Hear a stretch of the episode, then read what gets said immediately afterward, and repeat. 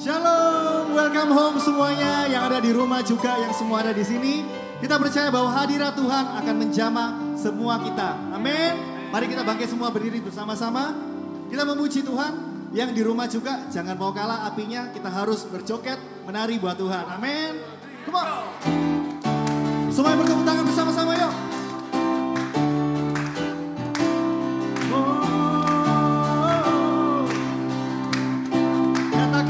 bebas terlepas Jiwa bebas terlepas. Kuasa maut telah terhempas. Nama Yesus Nama Yesus yang menang.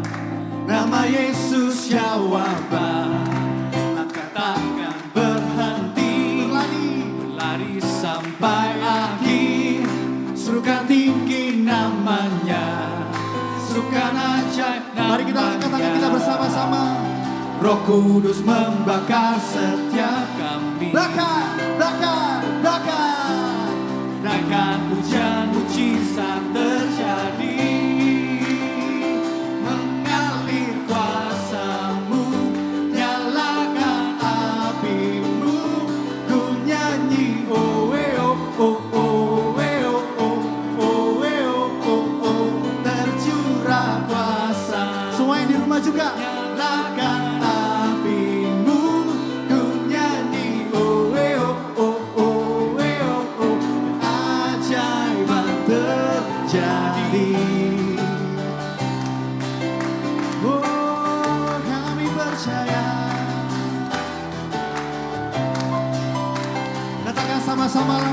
berhenti. Langkah takkan berhenti. Berlari, berlari sampai akhir. Sukan tinggi namanya. Sukan aja, sukan ajaib namanya. Angkat tanganmu. Roh Kudus membakar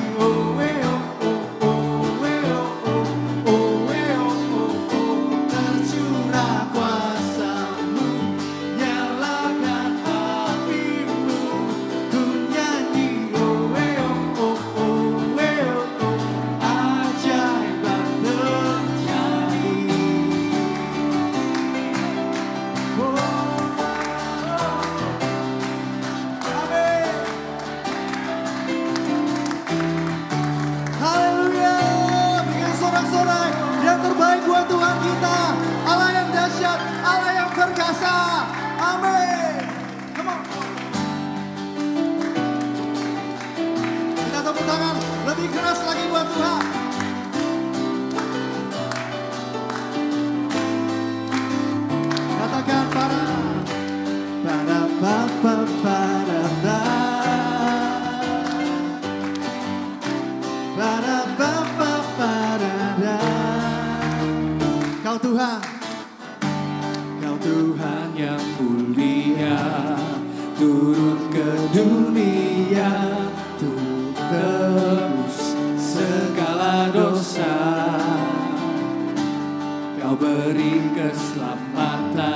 kesempatan.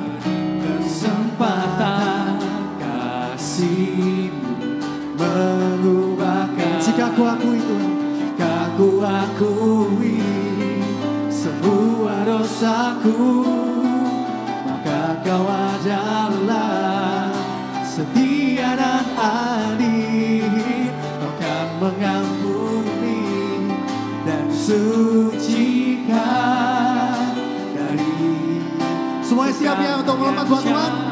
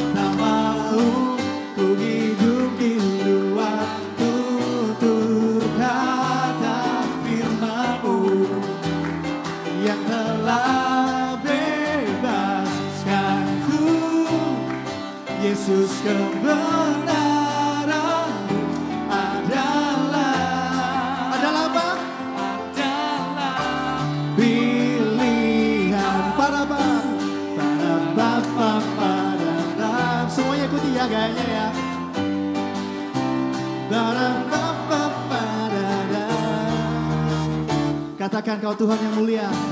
Kau Tuhan yang mulia turun ke dunia turun tebus segala dosa Kau beri keselamatan. Kau beri kesempatan Beri kesempatan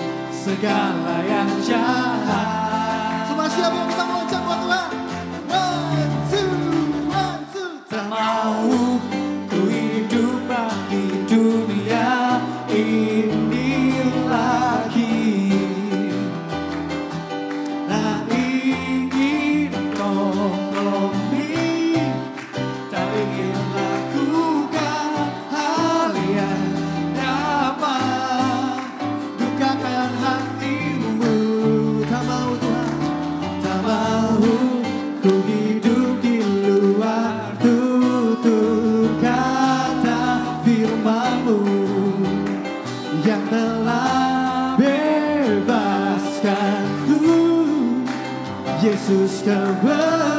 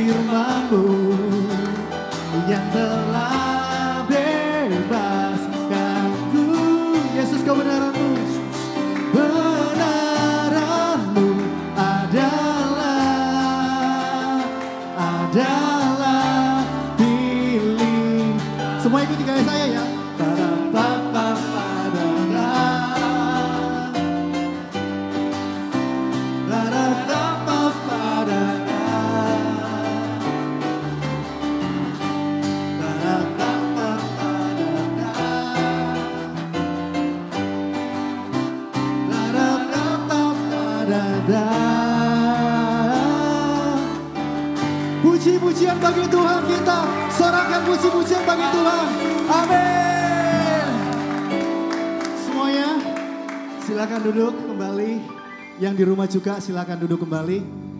Em, kita hari ini percaya bahwa Tuhan akan melawat setiap kita. Amin.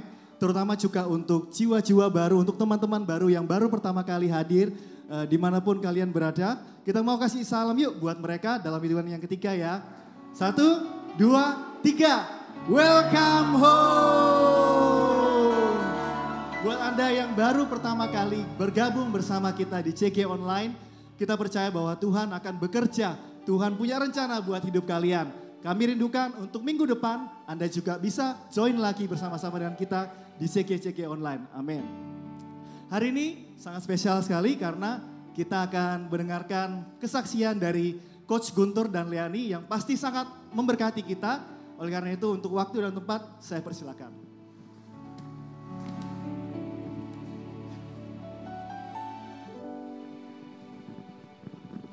Shalom, nama saya Guntur dan ini istri saya Leni. Bulan Juni 2020 ini pernikahan kami memasuki tahun yang ke-13. Selama 13 tahun pernikahan kami, kami melalui bersama-sama melayani Tuhan di CG. Kami percaya bahwa kami melewatinya bukan tanpa pergumulan tapi setiap pergumulan-pergumulan yang kami lewati tidak membuat hubungan kami menjadi retak, tidak membuat kami kecewa kepada Tuhan yang menyebabkan kami mundur dari pelayanan kami di CG. Saya mengalami pergumulan di bidang pekerjaan, di mana saya harus jatuh bangun sebanyak tiga kali. Masa-masa sulit bagi saya, kalau saya harus merintis usaha yang baru, merintis usaha yang baru lagi, dan merintis usaha yang baru lagi sebanyak tiga kali. Dan saat ini pun kami masih belum dikaruniai buah hati. Tuhan sudah berfirman pada kami, dia akan memberikan anak yang nanti akan dipakai kepada kami dan beberapa hamba Tuhan juga bernubuat kepada kami bahwa kami akan mempunyai anak laki-laki. Di setiap pergumulan-pergumulan yang kami lewati, sekali lagi tidak mengganggu hubungan pernikahan kami, tidak mengganggu hubungan kami dengan Tuhan, dan tidak mengganggu pelayanan kami di CG. Saya sangat bersyukur mempunyai istri Leni, di mana dia selalu menemani saya dan tidak menyalahkan saya sedikit pun. Bahkan selalu mendukung di dalam saya melewati setiap pergumulan demi pergumulan. Saya menyadari bahwa saya sebagai istri tidak sepatutnya saya menuntut dan menyalahkan suami saya. Tapi seharusnya saya bisa menolong dan juga mendukung suami saya. Karena saat kami menikah, kami menjadi satu, bukan dua orang yang berbeda. Jadi pergumulan suami saya adalah juga pergumulan saya. Kami mempunyai beberapa prinsip di dalam pernikahan kami yaitu yang pertama, kami percaya bahwa kami dipersatukan oleh Tuhan sendiri. Dan Tuhan pasti punya rencana atas pernikahan kami. Bukan saja saat kami dipersatukan, tapi sampai kami menjalaninya sampai akhir. Yang kedua, kami juga berpegang teguh pada janji pernikahan kami yang sakral bahwa kami akan saling mengasihi uh, pada saat suka maupun duka, kaya ataupun miskin, sehat maupun sakit, sampai maut memisahkan kami. Yaitu yang artinya sampai akhir hidup kami. Yang ketiga, kami berusaha melatih kesehatian dan kesepakatan kami dengan melakukan beberapa hal bersama-sama. Salah satunya kami melayani bersama-sama di CG. Benar sekali, saat kami melayani bersama-sama di CG, tanpa kami sadari itulah kunci kekuatan dari hubungan kami. Saat kami melihat di satu titik yang sama, dan saat kami berjalan menuju ke titik yang sama, di situlah kami mulai saling mendukung, kami mulai saling mensupport, kami mulai saling menjaga satu sama lain, dan kami menyadari itulah kekuatan dari hubungan kami. Satu titik itu adalah seribu gereja lokal dan satu juta murid. Di bawah pengembalaan Ko Adrian dan Celeli, saya semakin memahami makna dari amanat agung Di dalam Matius 28 ayat 19 sampai 20 dikatakan, "Pergilah, jadikan semua bangsa muridku." Itulah kenapa di CG kita selalu membicarakan tentang jiwa-jiwa baru, selalu membicarakan untuk mengajak jiwa-jiwa baru. Ada satu perkataan Ko Adrian yang menjadi rema bagi kami. Dikatakan bahwa one is alive, one is not a number. Yang kedua, baptislah mereka dalam nama Bapa dan Putra dan Roh Kudus. Itulah kenapa di CG sangat peduli terhadap baptisan. Dan yang ketiga, ajarilah mereka melakukan perintah-perintahku. Di mana kita bisa mengajari mereka melakukan perintah-perintah Tuhan? Jawabannya adalah di CG. Semakin saya memahami makna tentang amanat agung, semakin saya tidak pernah terbesit keinginan untuk berhenti melayani Tuhan di CG. Sebelum saya memahami makna amanat agung, sewaktu saya ada di CGL, saya pernah mengalami kejenuhan dan saya ingin mundur sebagai CGL. Tapi teman saya datang, dia mengatakan bahwa dia membawa pesan dari Tuhan. Apakah kamu mengasihi aku, Tuhan? Saya seperti Petrus, saya protes. Kalau saya tidak mengasihi Tuhan, mana mungkin saya melayani? Kalau saya tidak mengasihi Tuhan, mana mungkin saya setiap hari berdoa? Kalau saya tidak mengasihi Tuhan, mana mungkin saya tiap minggu ke gereja? Tapi dia kembali bertanya, Tuhan tetap ingin bertanya bahwa apakah kamu mengasihi aku? Saat itu saya langsung teringat dengan kisahnya Petrus dan saya langsung bertobat. Ternyata mengasihi Tuhan itu bukan bicara tentang perkataan kita, bukan bicara tentang seberapa sering kita berdoa, bukan juga bicara tentang seberapa rajin kita ke gereja. Tapi mengasihi Tuhan itu adalah mengembalakan domba-dombanya. Tuhan juga memberi saya firman pada saat saya melayani di FKA Medan. Roh Kudus tiba-tiba berbicara kepada saya tentang satu ayat yaitu di Matius 24 ayat 42. Dikatakan berbahagialah hamba yang didapati tuannya sedang melakukan tugasnya ketika tuannya itu datang.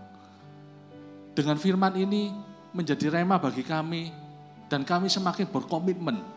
Kami akan terus melayani Tuhan sampai Tuhannya itu datang. Artinya apa? Sampai akhir dari hidup kami. Pastor Yohanes Sony juga pernah mengatakan bahwa pengembalaan di Sigi ini adalah panggilan seumur hidup. Satu lagi yang sangat menguatkan kami di dalam pelayanan adalah mimpi dari mama saya.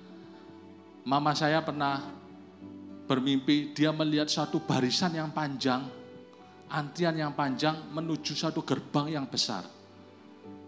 Dan orang-orang yang antri itu memakai jubah putih semua. Dan mama saya melihat saya dan istri saya sedang memilih-milihkan jubah dan membagi-bagikan kepada teman-teman kami di CG. Saya merasa bersyukur bahwa Tuhan sudah memilih kami untuk ada di gereja Masaron. Gereja yang menangkap visi Tuhan dan menjalankannya. Dan saya merasa bersyukur bahwa sampai saat ini saya diberi kesempatan melayani amanat agung Tuhan. Saya mengajak kepada teman-teman semua, apa pun pergumulan kita. Saya pernah mengalami masalah di pekerjaan di mana tiga kali saya harus membangun usaha baru. Dan sampai sekarang pun kami masih belum dikarunia buah hati. Tapi tekad kami bulat. Kami akan terus melayani di CG. Karena itulah yang menjadi isi hati Tuhan. Itulah yang kami tahu itu menjadi isi hati Tuhan.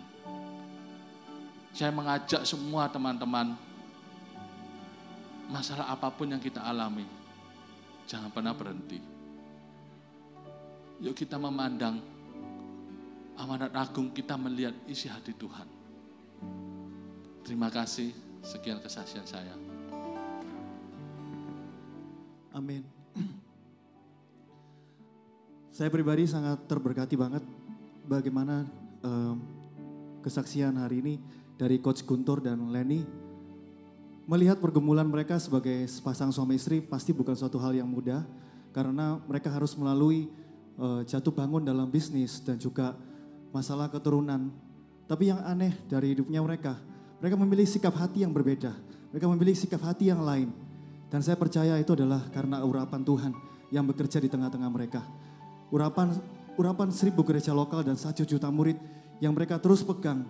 Ini yang menggerakkan mereka sebagai sepasang suami istri. Bukannya saling menuntut, bukannya saling menyalahkan. Tapi mereka bergerak dalam satu visi yang sama, yaitu panggilan Tuhan. Mari kita satukan hati kita, kita mau layani Tuhan dengan sepenuh hati kita. Kita tidak mau menuntut Tuhan lagi. Kita mau serahkan semuanya kepada kedaulatan Tuhan. Karena Tuhan yang mengatur kita. Tuhan yang tahu rencana yang terbaik atas kehidupannya kita. Haleluya.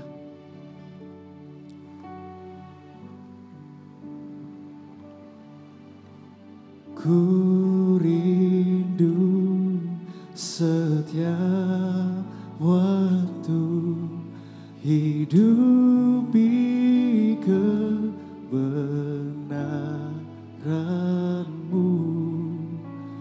Bukan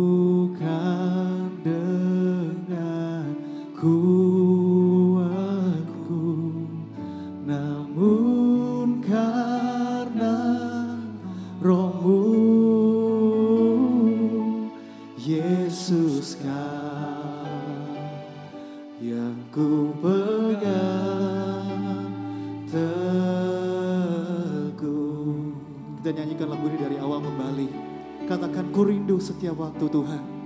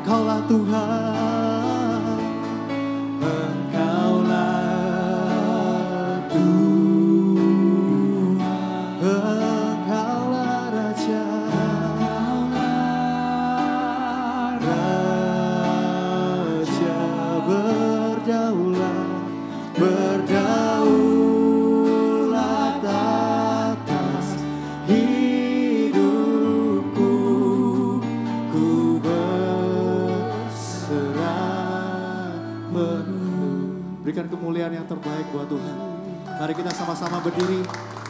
Mari kita sama-sama berdiri kita naikkan pujian ini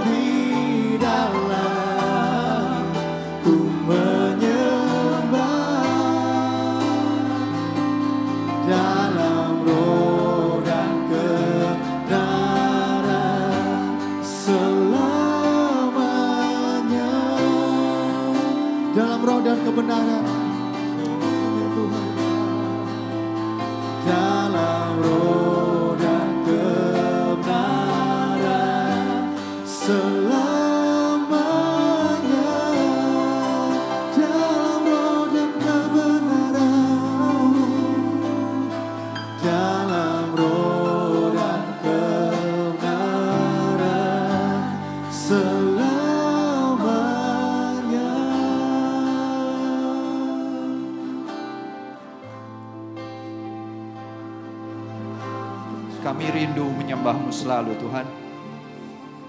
Kami rindu untuk mendengarkan suaramu selalu Tuhan. Di masa apa pun, kami rindu untuk selalu taat kepadamu Tuhan. Ajari kami, ajari melalui firmanmu. Ajari kami di masa apa pun, kami tetap belajar untuk setia kepadamu. Terima kasih Tuhan. Engkau Allah yang baik. Kami beriman dan kami percaya bahwa Engkau selalu hadir dan selalu setia. Kami yang kadang tidak setia terhadap Engkau. Kami mau belajar. Kami hatinya tetap setia kepadamu Tuhan. Di masa apa pun juga. Ajari kami, urapi setiap kami. Hanya di dalam nama Tuhan Yesus Kristus. Semua yang percaya katakan, amin. Silakan duduk. Shalom. Semua yang ada di rumah, kami sangat rindu. Sebenarnya kami kangen sekali untuk bisa berjumpa kembali. Tapi memang kondisi seperti ini, jadi ya kami percaya melalui CG online ini pun kita akan tetap bisa menyembah Tuhan bersama-sama dan tetap belajar firman Tuhan bersama-sama. Kami percaya jika Tuhan memberikan kesempatan ini untuk mengembalakan, kami akan pakai usaha kami untuk memuliakan nama Tuhan dengan cara apa pun juga. Hari ini saya rindu untuk membagikan firman mengenai Nuh. Saya ajak Anda membaca dari Ibrani 11 di ayat 7. Ibrani 11 ayat 7 berkata demikian. Karena iman, maka Nuh dengan petunjuk Allah tentang sesuatu yang belum kelihatan, dengan taat mempersiapkan bahtera untuk menyelamatkan keluarganya, dan karena iman itu ia menghukum dunia dan ia ditentukan untuk menerima kebenaran sesuai dengan imannya. Nuh adalah salah seorang pahlawan iman. Dari pahlawan iman itu ada listnya di Ibrani 11. Ada yang mengenai keberaniannya, mengenai apanya. Yang Nuh ini ada satu spesifik yang diangkat oleh Alkitab. Imannya itu diidentikan dengan kata-kata taat. Nuh itu adalah seseorang yang point of view-nya dari cara pandang Tuhan, seseorang yang imannya itu adalah iman taat. Dia adalah seseorang yang obedient. Kalau di dalam bahasa Inggrisnya kata-katanya demikian, it was by faith that Noah built a large boat to save his family from the flood. He obeyed God. Obedience, obey, taat. Hari ini saya rindu untuk me, mempelajari lebih lanjut mengenai ketaatan. Karena saya sendiri sih kadang taat itu sepertinya sesuatu yang dilakukan sekali. Kalau ada perintah ditaati. Tetapi kalau dari Ibrani 11 ayat 7 ini dinyatakan bahwa Nuh itu dicatat bahwa kehidupannya itu menunjukkan ketaatan. Seluruh kehidupannya itu taat. Berarti Dia itu taatnya bukan cuman satu perintah atau satu kejadian. Meskipun kelihatannya di, dirangkum menjadi satu kalimat. Tetapi sebenarnya kalau riwayatnya Nuh itu ratusan tahun. Dan bisa disimpulkan bahwa kesimpulan kehidupannya itu kehidupan yang taat. Saya rindu kita semua menjadi orang yang taat di hadapan Tuhan. Siapa yang mau katakan amin. Saya tidak mau kita ini sepertinya gagal. Melakukan sesuatu tetapi akhirnya tetap dianggap nggak taat.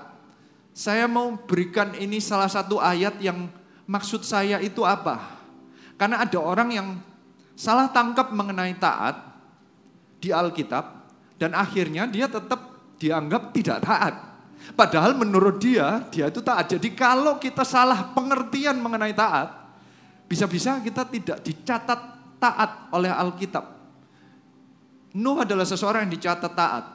Ada orang yang menurut dia dicatat taat, menurut dia dia itu taat, tetapi ternyata tidak dicatat taat bahwa uh, orang itu adalah Saul.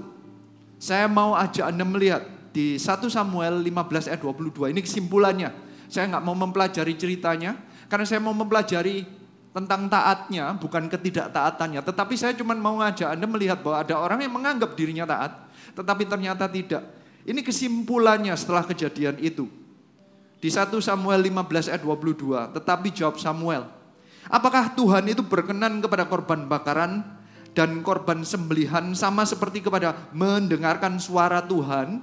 Dalam bahasa Inggrisnya, mendengarkan suara Tuhan itu di, dijelaskan dengan kata-kata obedience ketaatan. Mendengar suara Tuhan itu adalah ketaatan. Sesungguhnya mendengarkan lebih baik daripada korban sembelian, memperhatikan lebih baik daripada lemak domba-domba jantan.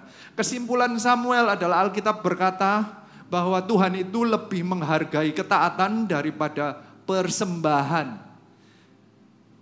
Di sini itu ceritanya Saul itu menganggap bahwa dia taat disuruh memerangi uh, rakyat dari Amalek, dia taat tetapi disuruhnya menghancurkan semua, dia masih membiarkan raja agaknya, rajanya Amalek untuk tetap hidup. Berarti dia tidak taat semua dan itu ternyata di hadapan Tuhan dianggap Saul masih tidak taat. Berarti jika kita salah pengertian mengenai taat, bisa-bisa kita dianggap bahwa kita ini tidak taat. Jadi hari ini saya rindu kita belajar supaya kita tidak salah mengerti. Apa arti taat? Nuh adalah seseorang yang dianggap taat oleh Alkitab. Saya rindunya kita belajar taat. Sama seperti Tuhan Yesus pun itu juga belajar taat. Di Ibrani 5 ayat 8 dikatakan demikian. Dan sekalipun ia adalah anak huruf besar, ia telah belajar menjadi taat dari apa yang telah dideritanya. Kita pun wajar untuk belajar taat. Jangan sampai kita menganggap asumsi saja, kita pokoknya taat semau kita sehingga nantinya kita dianggap tidak taat oleh Alkitab. Saya rindunya kita belajar taat. Ayo kita belajar taat dari Nuh. Nuh itu ceritanya ada di kejadian pasal 6. Saya ajak Anda melihat mulai dari kejadian 6 ayat 8. Kata-katanya demikian. Kejadian 6 ayat 8. Tetapi Nuh mendapat kasih karunia di mata Tuhan. Inilah riwayat Nuh. Nuh adalah seseorang yang benar dan tidak bercela di antara orang sejamannya. Dan Nuh itu hidup bergaul dengan Allah. Saya suka sekali definisinya. Ini beda antara cara pandang di Ibrani dengan cerita sehari-harinya Nuh. Nuh itu tidak mulai dengan istilah taat. Jangan sampai taat itu kita anggap sesuatu yang menakutkan. Karena ada orang itu yang menganggap taat itu karena takut. Ada orang-orang yang mengikuti Tuhan taatnya itu karena takut dihukum. Takut tidak diberkati, takut tidak disertai, takut di... Nuh itu lain. Nuh itu tidak memulai kehidupannya dengan kayaknya saya harus taat, saya harus taat. Bukan. Dia cuman seseorang yang Berjalannya, saya suka kata-katanya, Nuh itu hidup bergaul dengan Allah. Nuh itu orang yang ngikut, jalannya ngikut Tuhan, bergaul dengan Allah.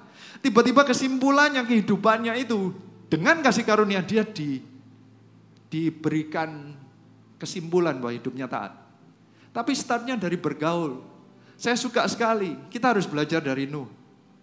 Kalau kita mau taat kepada Tuhan, itu bukan karena kita hafal ayat Alkitab. Kita taat kepada Tuhan itu karena kita itu hidupnya bergaul dengan Allah. Bergaul dengan Allah itu gimana ya? Fellowship ya.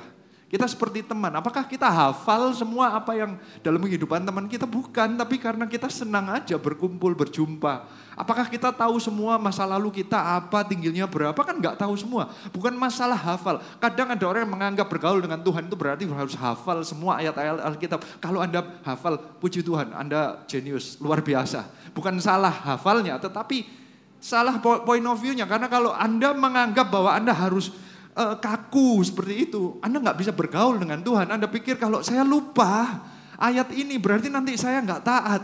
Bahkan ada yang nggak berani dekat sama Tuhan karena aduh ayat Alkitab susah, saya nggak ngerti ini, saya nggak ngerti itu. Nuh itu startnya simple dalam mengenai ketaatan. Dia hidup bergaul dengan Tuhan. Saya saya sukanya dengan ada satu hal. Kok bisa Nuh tiba-tiba di apa ya disebutkan kata-kata bergaul ini bukan pertama kalinya ada yang sebelum Nuh itu juga bergaul dengan Tuhan. Saya suka sekali, ini adalah yang pertama kali disebut bergaul dengan Tuhan itu Henok. Henok itu apa ya empat generasi sebelumnya Henok, Metuselah, namanya enggak enak ya, Metuselah. Saya kata-katanya apa betul ya Metuselah ya. Eh, Lamek, kemudian Nuh. Eh, di zaman itu orangnya itu hidupnya itu lama-lama uh, Henoknya Nuh nggak pernah ketemu. Tetapi kenapa kok bisa meniru? Saya percaya itu karena metusalahnya itu masih hidup di zamannya Nuh. Zamannya Nuh masih ada, itu engkongnya masih hidup. Papanya masih hidup. Jadi ada Metusalah, ada Lameh, ada Nuh. Nuh itu pasti mendengar ceritanya Metusalah. Metusalah adalah orang yang paling tua sepanjang sejarah Alkitab. Berarti sepanjang sejarah manusia 989. Matinya persis belum ada flood, banjir. Sebelum ada banjir persis mati. Saya percaya gara-gara Metuselah mati maka banjir. Kayaknya Tuhan kayaknya nunggu. Kenapa Metuselah Metuselah ini uh, uh, sepertinya ditungguin karena dia adalah orang yang bersaksi mengenai papanya yang bergaul sama Tuhan. Gara-gara bergaul sama Tuhan, Henok itu diangkat ke surga. Orang yang bergaul sama Tuhan itu tiba-tiba Tuhan saking kangennya diangkat ke surga. Nuh ini sepertinya menangkap terinspirasi karena Henok dia sendiri bergaul sama Tuhan. Tetapi dia lain ceritanya dengan Henok, dia ceritanya adalah dia mendapatkan pesan yang lain. Dia mendapatkan pesan mengenai bahtera. Nuh ini adalah seseorang yang patut kita tiru mengenai ketaatannya. Ketaatan dia bukan ketaatan sekali-sekali, ketaatan yang ngikut uh, padahal Alkitab mencatat orang yang benar dan tidak bercela. Alkitab mencatat di kejadian 9 dia sendiri pernah mabuk-mabukan. Jadi bukan orang yang sempurna tetapi orang yang mendapatkan kasih karunia. Kita pun hidup berdasarkan kasih karunia. Kita itu asalnya setiap manusia itu tidak ada yang benar. Alkitab mencatat hal itu. Kata-katanya adalah demikian. Di Roma 3 ayat 10. Seperti ada tertulis, tidak ada orang yang benar. Seorang pun tidak. Tidak ada orang yang benar tetapi karena kita dibenarkan, Nuh pun mendapatkan kasih karunia, dia dibenarkan. Kita pun dibenarkan karena darah Yesus. Kita bukan mengejar kesempurnaannya, lebih baik kita mengejar pergaulannya dengan Tuhan. Kita jangan mengejar uh, masalah kesempurnaannya karena Nuh pun bukan orang yang sempurna tetapi dia mendapatkan kasih karunia. Kenapa dia mendapatkan kasih, kasih karunia? Karena dia ada satu sifat yang diangkat oleh Alkitab mengenai taatnya. Hari ini kita belajar mengenai taat. Saya coba pelajari di dalam Alkitab ini, Nuh ini taatnya seperti apa? Saya mau ajak Anda lihat, saya mau bagi taat ini dalam tiga bagian. Taatnya Nuh ini seperti apa? Bagi saya istilahnya bahan dasar taatnya ini apa? Apa yang membentuk dan membuat Alkitab mencatat bahwa Nuh itu taat? Saya anggap dia ada tiga bagian. Tiga bagian. Yang pertama, taatnya Nuh itu adalah taat tanpa mengerti seluruhnya. Banyak di antara kita itu selalu menunggu. Kadang saya pernah dengar dari orang, ayo, ik, uh, ayo uh, ikut saya ke CG atau ke gereja. Ayo uh, Anda belum dibaptis, ayo ikut. Dia ngomongnya begini, bentar, saya masih belum mengerti. Saya mau belajar dahulu, nanti kalau sudah mengerti, nanti saya siapkan diri saya, saya baru mau baptis atau masuk lebih dalam lagi. Ada orang-orang yang belum mau taat, dia masih mempelajari, menunggu, belajar sendiri, mencoba mengerti Tuhan dari jarak jauh gitu kayaknya. Bukan kayak Nuh yang bergaul gitu. Nuh itu adalah seseorang yang taat tanpa mengerti seluruhnya. Saya percaya Nuh itu nggak ngerti Tuhan seluruhnya. Karena perintah Tuhan kepada Nuh itu menurut saya tidak masuk akal. Coba ini perintahnya. Ini Orang yang bergaul sama Tuhan tetapi mendapatkan perintah yang dia tidak mengerti. Kadang ada orang itu yang menganggap begini loh. Hamba Tuhan itu ada hamba Tuhan yang keren banget gitu ya. Dia itu sering mengeluarkan kata-kata nubuatan. Kita anggap wah ini orang bergaul sama Tuhan. Dia pasti dia ngerti semua mengenai mengenai apa Tuhan itu. Jadi kalau Tuhan ngomong apa dia pasti ngerti sebelumnya, sudah ngerti sebelumnya. Padahal yang enggak. Anda harus mengerti. Ini seperti Nuh ini. Anda harus mengerti bahwa Tuhan itu menghargai orang-orang yang taat tanpa mengerti seluruhnya. Ini yang Tuhan berikan kepada Nuh dan Nuh, Nuh tetap taat. Bahkan taatnya Nuh itu sampai kata-katanya adalah di kejadian 6 ayat 22. Kata-katanya demikian. Lalu Nuh melakukan semuanya itu tepat seperti yang diperintahkan Allah kepadanya. Demikianlah dilakukannya. Nuh itu kalau taat-taat semua. Padahal dia tidak mengerti semua. Tapi dia melakukan semua. Ini yang luar biasa. Ini adalah seseorang yang bisa taat kepada Tuhan tanpa masuk akalnya. Saya ajak Anda lihat ya perintahnya Tuhan kepada Nuh. Di kejadian 6 ayat 13 dikatakan demikian. Berfirmanlah Allah kepada Nuh. Aku telah memutuskan untuk mengakhiri hidup semua makhluk. Sebentar ini kalimat pertama aja sudah nggak mengerti. Lu Tuhan mau bikin sudah kiamat sekarang juga. Itu kalau mengakhiri hidup semua makhluk. Kan ya kalau mendengar kan ya kaget ya. Loh, hancur ini. Semua makhluk sebab bumi telah penuh dengan kekerasan oleh mereka. Kalau Anda mendengar ini kalau orang yang tidak seperti hatinya Nuh yang bergaul. Mungkin pertanyaannya, Tuhan kok jahat? Mungkin aja ada orang yang mikir gitu. Ada yang mikir, kenapa sih? Kok sekarang kok ada wabah? Wabah ini juga uh, sepertinya random sekali. Yang kena bisa yang umur muda, umur tua, nggak nggak peduli sepertinya. Di mana pun di Amerika, di Indonesia, di di Eropa, di di mana pun di China, sepertinya kok uh, sembarangan. Kalau anda tidak bergaul dengan Tuhan, anda bisa mulai bertanya-tanya. Ini kalimat ini juga sama seperti sepertinya yang kondisi yang kita hadapi sekarang. Kalau anda mendengarkan suara-suara berita-berita ini, apakah anda seperti Nuh atau seperti dunia? Nuh itu mendengarkan ini. Sebab bumi telah penuh dengan kekerasan oleh mereka. Jadi aku akan memusnahkan mereka bersama-sama dengan bumi. Kalau Anda mendengar ini Anda bisa muncul segala pertanyaan yang gak masuk akal sebenarnya. Ayat 14. Buatlah bagi kamu sebuah bahtera dari kayu gofir. Bahtera itu harus kau buat berpetak-petak dan harus kau tutup dengan pakal dari luar dan dari dalam. Uh, Kata-kata di sini bahtera, dalam bahasa Inggrisnya kadang ada a large boat, di mana-mana. Kalau di dalam bahasa aslinya, saya coba pelajari. Uh, soalnya ini setelah itu ada kata-katanya ukurannya berapa berapa ratus hasta kali berapa ratus hasta, ada ukurannya. Tetapi ukurannya itu tidak pernah menjelaskan mengenai bentuk. Setahu Alkitab ini nggak ada yang tahu persisnya, tapi ada beberapa yang menebak sebenarnya yang dibentuk oleh Nuh. Sampai sekarang nggak ketemu sih uh, bahteranya ini bentuknya kayak apa. Tapi kalau dari ukurannya, mestinya ini bentuknya kayak kotak, bukan kayak kapal. Ada yang menjelaskan seperti kapal, bahkan banyak yang uh, apa replika-replika bentuknya kayak kapal ya. Enggak loh, sebenarnya ini kayak otak. Satu satu kali lagi ayat bahtera ini kata-katanya dipakai lagi itu adalah waktu Musa dimasukkan ke dalam satu bahtera, tapi itu kecil, itu juga bentuknya kayak kotak. Semuanya ini kayak kotak, ini bukan kayak kapal, ini seperti kotak. Makanya ukurannya bisa berapa kali berapa kali berapa. Semuanya ini kotak. Ini nggak masuk akal. Nuh itu hidup ratusan mil dari air, tapi dibuat, suruh buat sepertinya kayak ada disuruh nempelin pakal itu seperti tir apa biar nggak tembus air dibuat anti air ini tidak masuk akal dia disuruh melakukan sesuatu yang sepertinya tidak masuk akal. Kadang kalau kita menerima itu kita tidak mau taat kalau kita tidak mendapatkan seluruh pengertiannya. Kadang ayat-ayat ada ayat-ayat tertentu yang membuat kita itu nggak mau melakukannya karena kita belum mengerti 100%. Misalnya, jadikan semua bangsa muridku. Bukannya itu Anda sering tidak mengerti, Anda selalu menganggap, ini kan orang lain yang mesti melakukan. Dan lain-lain, akhirnya kita tidak melakukannya. Nuh adalah seseorang yang taat meskipun dia tidak mengerti seluruhnya. Dia tidak bisa menangkap kenapa dia yang harus bangun ini di tengah-tengah segalanya dan dia tetap melakukannya. Bahkan di ayat 17 dikatakan demikian, sebab sesungguhnya aku akan mendatangkan air bah meliputi bumi untuk memusnahkan segala yang hidup bernyawa di kolong langit, segala yang ada di bumi akan mati binasa. Air bah itu nggak pernah terjadi sebelumnya. Bahkan nanti disebutkan kata-kata hujan. Zaman itu belum ada hujan, nggak ada air bah.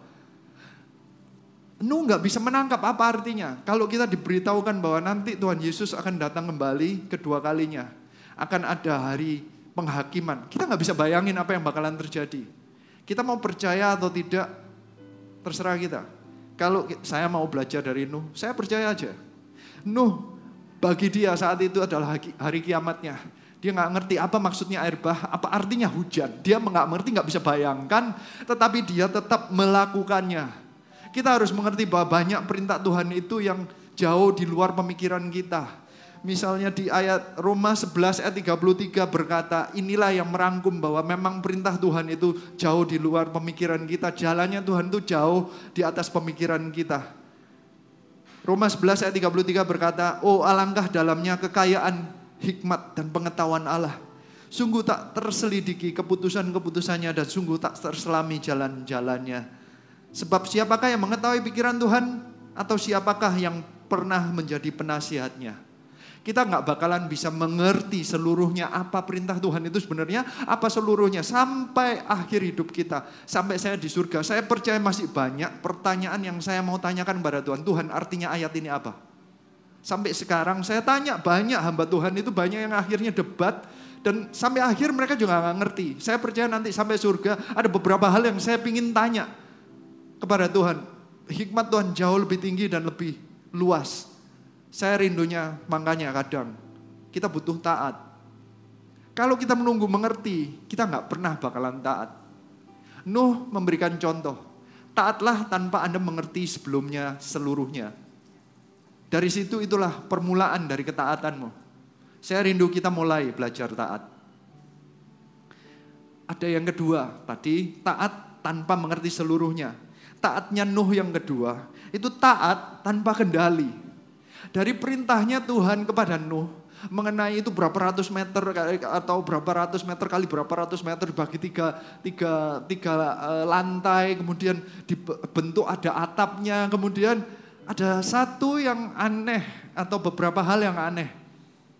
Karena tidak ada jendela yang keluar kecuali cuma 18 inci atau berapa. Ada jarak tertentu hanya untuk angin-angin saja, bukan untuk melihat keluar. Dan itu pun persis di atas atapnya, jadi tanpa jendela. Ini satu gedung, kalau saya nggak bisa, bangunan yang tanpa jendela. Bahkan bukan hanya tanpa jendela, tanpa kendali. Kalau kapal itu selalu ada arahnya untuk kalau mau jalan ke mana, beloknya ke mana. Ini tanpa kendali, tanpa layar kalau zaman itu, tanpa mesin. Nggak ada mesinnya, tanpa kendali, tanpa layar, tanpa arah. Jadi ini benar-benar taat itu harusnya tanpa kendali. Anda harus lepaskan kendali atau kontrolnya itu pada Tuhan. Banyak di antara kita, taat itu harus kita yang kontrol. Masih ada hal-hal tertentu. Kita masih menuntut, kita tidak pernah taat seluruhnya kepada Tuhan. Kita tidak pernah taat tanpa kendali. Kita selalu minta taat Tuhan tapi aku yang ngatur ini. Taat Tuhan tapi aku bisa melihat. Banyak orang itu sepertinya begini. Suka bukannya ini nggak boleh bertanya ya, tetapi kalau ini adalah sikap hati Anda. Taat dengan jendela itu sepertinya begini loh. Ada apa-apa itu mencari-cari nubuatan untuk bertanya, Tuhan nanti bisnis saya tahun ini untungnya berapa gitu loh kayaknya. Jadi sehingga nanti kalau datang kepada ibadah itu tujuannya itu untuk mendengarkan nubuatan mengenai bisnis. Kayak mau melihat jendela itu loh, arah kita ke arah mana. Nuh itu sepertinya hidup di dalam tempat di mana dia ngeliat ke depan, nggak tahu mau ke mana. Arahnya mau ke mana aja nggak, nggak sepertinya tanpa tanpa kendali sama sekali. Dia nggak pernah bisa membelokkan Tuhan kelihatannya di depan ada batu, ke Tuhan belok, nggak pernah. Dia dia sepertinya percaya penuh kepada Tuhan. Dia taat tanpa kendali. Dia benar-benar orang yang bisa percaya tanpa melihat. Bahkan di 2 Korintus 5 ayat 7 ini merangkum apa yang dilakukan oleh Nuh. Kata-katanya demikian. Sebab hidup kami ini adalah hidup penuh Hidup karena percaya, bukan karena melihat. Nuh adalah seseorang yang bukan karena melihat baru percaya, tapi dia belum melihat, dia sudah percaya dahulu. Bahkan tanpa melihat, dia tidak pakai jendela keluar, dia tidak perlu nanya-nanya. Bahkan dia sebenarnya tidak pernah minta tanda. Banyak di antara kita itu minta tanda. Alkitab memang mencatat ada beberapa orang yang minta tanda sama Tuhan. Tetapi orang itu tidak pernah dicatat bahwa dia berimannya karena itu. Karena minta tanda itu berarti sebenarnya mengurangi iman. Kalau menurut saya karena Nuh adalah seseorang yang tidak minta tanda, tapi dia taat dahulu. Dia itu melakukannya benar-benar air bahnya itu sekitar Gak pernah ada yang catat sih dia bangunnya kapan bahteranya ini. Tapi bisa-bisa 100 tahun sebelum terjadi hujan. Anda bisa bayangkan apa yang terjadi dalam kehidupannya. Gak ada yang mengerti mengenai hujan, air bah. Dia bangun satu bangunan yang tahan air di tengah-tengah lapangan. Berapa banyak orang yang akan me, menghina dia. Anda jangan bayangkan bahwa hidup Nuh itu uh, orangnya sedikit. Ada yang coba menghitung. Ini orang yang hidupnya rata-ratanya sekitar 600 sampai 800 tahun dan itu ada puluhan generasi ini numpuk, nggak meninggal meninggal mereka. Jadi di zamannya Nuh sejak zamannya uh, permulaan sampai Nuh itu, itu bisa-bisa ratusan juta orang di sekelilingnya. Nuh itu dikatakan mulai dari Metuselah itu banyak anaknya Berarti e, Lameh itu banyak saudaranya, Lameh pun banyak anaknya. Jadi semua ini banyak anaknya. Berarti saudara sepupunya Nuh itu banyak. Saudaranya itu pun banyak. Jadi pasti waktu dia bangun ini, yang menghina dia itu banyak. Pasti kata-kata gini, apa maksudmu air bah? Gak ada air bah itu. Hujan, apa artinya hujan? Dari dahulu adanya itu cuma embun, gak ada hujan. Gak ada, dia ngomong saya mendengar suara Tuhan Pasti di, diomongin kamu yang benar aja.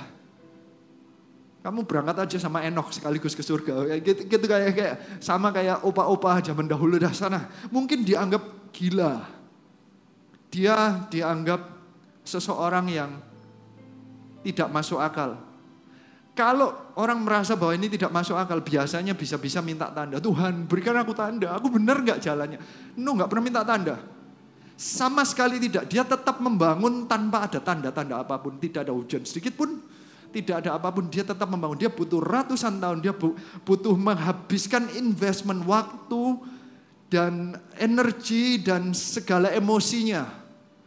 Dia harus menahan. Dia lebih percaya kepada Tuhan daripada orang-orang yang menghina dia. Mengenai dia membangun. Dan dia tetap melakukan yang tanpa tanda.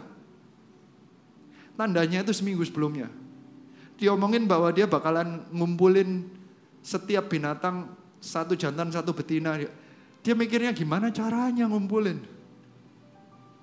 Tanda pertama yang dia dapat itu seminggu sebelum. Tiba-tiba dapat tanda aja. Dia nggak minta tanda tapi dapat tandanya. Di kejadian 7 ayat 8 dikatakan dari binatang yang tidak haram dan yang haram. Dari burung-burung dan dari segala yang merayap di bumi ayat 9. Datanglah sepasang mendapatkan Nuh dalam bahtera itu. Jantan dan betina seperti yang diperintahkan Allah kepada Nuh. Nuh Allah itu memerintahkan Nuh untuk mengumpulkan tetapi yang terjadi adalah binatangnya yang datang kepada Nuh. Tidak, bukan Nuhnya yang ngumpulin satu persatu tetapi datang. Kalau menurut saya itu sudah tanda. Saya mau ajak Anda untuk melihat, kalau memang Anda itu mau seperti Nuh. Anda belajar bukan minta tanda, tapi belajar melihat tanda yang dari Tuhan. Tuhan itu sebenarnya ngasih tanda. Kita nggak perlu minta, sebenarnya ada tanda-tanda sekeliling kita. Saya percaya ada orang-orang itu yang minta tandanya, mungkin nuntut pakai tandanya kita gitu misalnya. Tuhan kalau engkau menyertai aku, bisnisku harus berhasil. Padahal Tuhan mungkin menolong dengan ternyata ada orang tuamu dibaptis. Ada uh, sakitnya teman baikmu disembuhkan.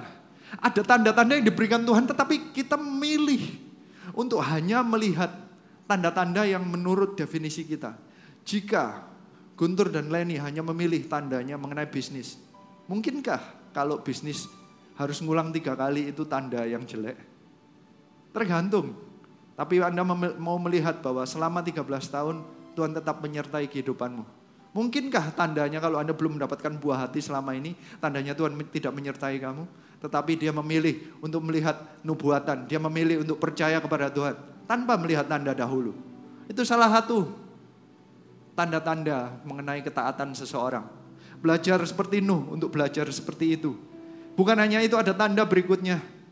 Di kejadian 7 ayat 16 dikatakan dan yang masuk itu adalah jantan dan betina dan dari segala yang hidup seperti yang diperintahkan Allah kepada Nuh. Lalu Tuhan menutup pintu bahtera itu di belakang Nuh.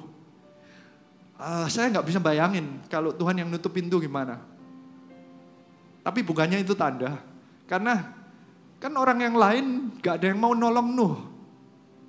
Semua menganggap bahwa Nuh itu salah. Kenapa kok saya berkata demikian? Karena dikatakan di Alkitab bahwa yang percaya mengenai Nuh, apa kata-kata Nuh?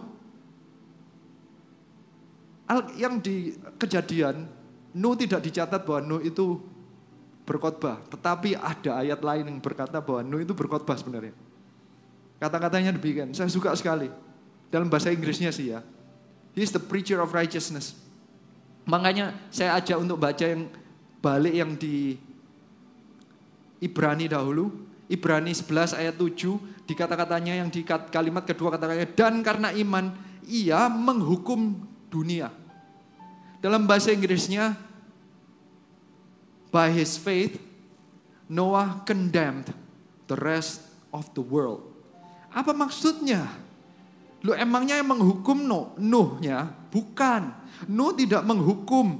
Bukan Nuh yang menghukum. Tetapi karena tindakan ketaatannya, Nuh itu membuat orang di sekelilingnya terbukti bersalah. Nuh itu karena dia taat, yang lainnya tidak taat. Dia membuat itu orang lain merasa terhukum. Kadang gara-gara ketaatan kita, orang lain itu merasa tertekan dan merasa dihakimi. Anda pernah nggak merasa bahwa misalnya ada sem semua orang satu ruangan misalnya mabuk-mabukan misalnya gitu, merokok semua. Anda masuk ruangan itu Anda bilang, saya nggak mau ngerokok, saya nggak mau mabuk. Semua orang itu mulai menoleh ke Anda, merasa aneh. Apa maksudmu? Kamu sok suci kamu. Kamu berusaha membuat kita merasa jelek ya. Gara-gara Anda menjadi contoh untuk Anda taat kepada Tuhan, tiba-tiba Anda sepertinya Anda menghukum orang di sekelilingnya. Saat Nuh itu membangun bahtera itu ratusan tahun, orang sekelilingnya itu mengata-ngatain Nuh, kamu itu sok taat, kamu itu sok suci. Dia menghukum. He is a preacher of righteousness. Yang lainnya tidak ada yang mendengar, semuanya tidak mau yang mendengar. Cuman istrinya, anak-anaknya, dan mantunya. Berarti ada orang luar yang mau mendengarkan, yaitu mantunya, yaitu anaknya, uh, uh, istrinya, anaknya masih mau mendengar. Yang lainnya, saudaranya tidak, omnya tidak, saudara sepupunya tidak, yang lainnya tidak. Tidak ada yang mau mendengar. Saya percaya dia itu kalau bangun, uh, ini lapangan uh, satu setengah kali lapangan uh, sepak bola Berarti ini besar sekali dengan kayu begitu banyak. Itu pasti butuh ngambil dari mana Pak? E, butuh tukang kayu. Dia nggak nggak pernah dikatakan bahwa dia tukang kayu. Tetapi Berarti banyak orang-orang itu yang ikut bangun tapi mereka nggak ikut masuk. Berarti mereka nggak percaya. Kalau mereka percaya pasti mereka berkata, aku ikut kamu gimana? Kalau mereka percaya bakalan ada air bah. Kalau mereka percaya bahwa Tuhan akan menghukum orang yang tidak berada di dalam bahteranya. Ternyata Nuh adalah seseorang yang menginjil. Apa pun yang engkau lakukan, penginjilanmu yang pertama adalah ketaatanmu. Ada orang yang berkata, saya nggak bisa menginjil dalam keluarga. Menurut saya, penginjilan pertama Anda adalah ketaatanmu. Saat Anda mengikuti perintah Tuhan, saya percaya Tuhan akan berikan tanda demi tanda. Tiba-tiba Tuhan itu yang seperti menutup pintu-pintu yang lain dan membuka pintu-pintu yang lain. Tiba-tiba Anda bisa diluputkan dari masalah. Sepertinya Tuhan yang menutup pintunya. Ada ada mujizat demi mujizat, tanda-tanda yang dari Tuhan akan muncul dalam kehidupanmu seseorang yang mengikut Tuhan seperti Nuh. Saya percaya dia adalah seseorang yang taat padahal dia tidak punya kendali. Dia melepaskan kendalinya kepada Tuhan. Sehingga nanti muncul tanda-tanda dan mujizat sekeliling kehidupannya. Bukan hanya itu taatnya Nuh. Ada taat yang bentuk taatnya. Dia taat tanpa batas waktu. Dalam ceritanya Nuh itu, yang penting mengenai taat, itu bukan taat ke mana. Ada orang-orang itu yang selalu nanya bingungnya arahnya ke mana. Kadang ketaatan itu ditesnya dengan masalah waktu. Makanya dalam ceritanya Nuh itu berkali-kali itu kata-kata mengenai waktu itu yang dimunculkan. Misalnya di kejadian 7 ayat 17, 40 hari lamanya. Air bah itu meliputi bumi. Nanti berikutnya di kejadian 8 ayat 3. Dan makin surutlah air itu, maka berkuranglah air itu sesudah 150 hari. Ada 40 hari, ada eh, 150 hari.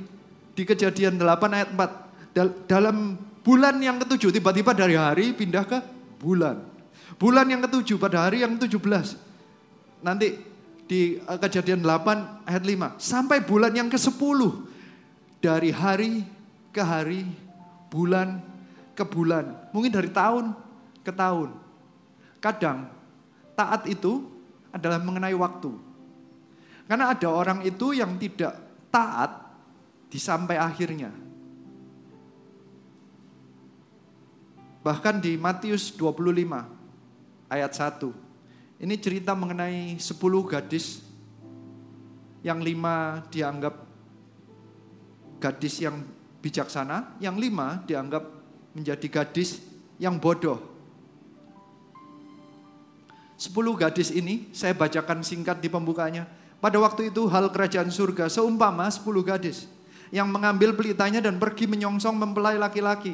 Lima di antaranya bodoh dan lima bijaksana. Gadis yang bodoh itu membawa pelitanya tetapi tidak membawa minyak. Sedangkan gadis yang bijaksana itu membawa pelitanya juga dan juga minyak dalam buli-buli mereka. Ini mengenai waktu. Ini dalam permulaannya kedua-duanya membawa pelita, kedua-duanya taat, taat di permulaannya. Akhirnya ditemukan ternyata bahwa di akhirnya yang dianggap bodoh itu tidak dianggap tidak taat. Sehingga di ayat 10 di, dikatakan di Matius 25 ayat 10. Akan tetapi waktu mereka sedang pergi untuk membelinya, datanglah mempelai itu dan mereka telah siap sedia masuk bersama-sama dengan dia ke ruang perjamuan kawin, lalu pintu ditutup, lompat ke ayat 13. Karena itu berjaga-jagalah, sebab kamu tidak tahu akan hari maupun akan saatnya. Ketaatan kita itu ternyata ditesnya tanpa batas waktu. Ada orang yang berkata, aku dulu kan sudah melayani Tuhan. Ada orang-orang yang menganggap bahwa dulu pelayanan yang dahulu itu cukup. Dia dahulu lebih rajin daripada sekarang. Bisa-bisa Anda kejebak seperti wanita yang bodoh. Dahulu pernah menyiapkan pelitanya sepertinya. Tiba-tiba enggak lagi. Kalau ada saatnya tandanya tiba dia mau mempersiapkan diri sudah terlambat. Pelayanan kita itu seharusnya konsisten. Karena kata-katanya harus berjaga-jaga. Kita tidak tahu kapan harinya, kapan saatnya.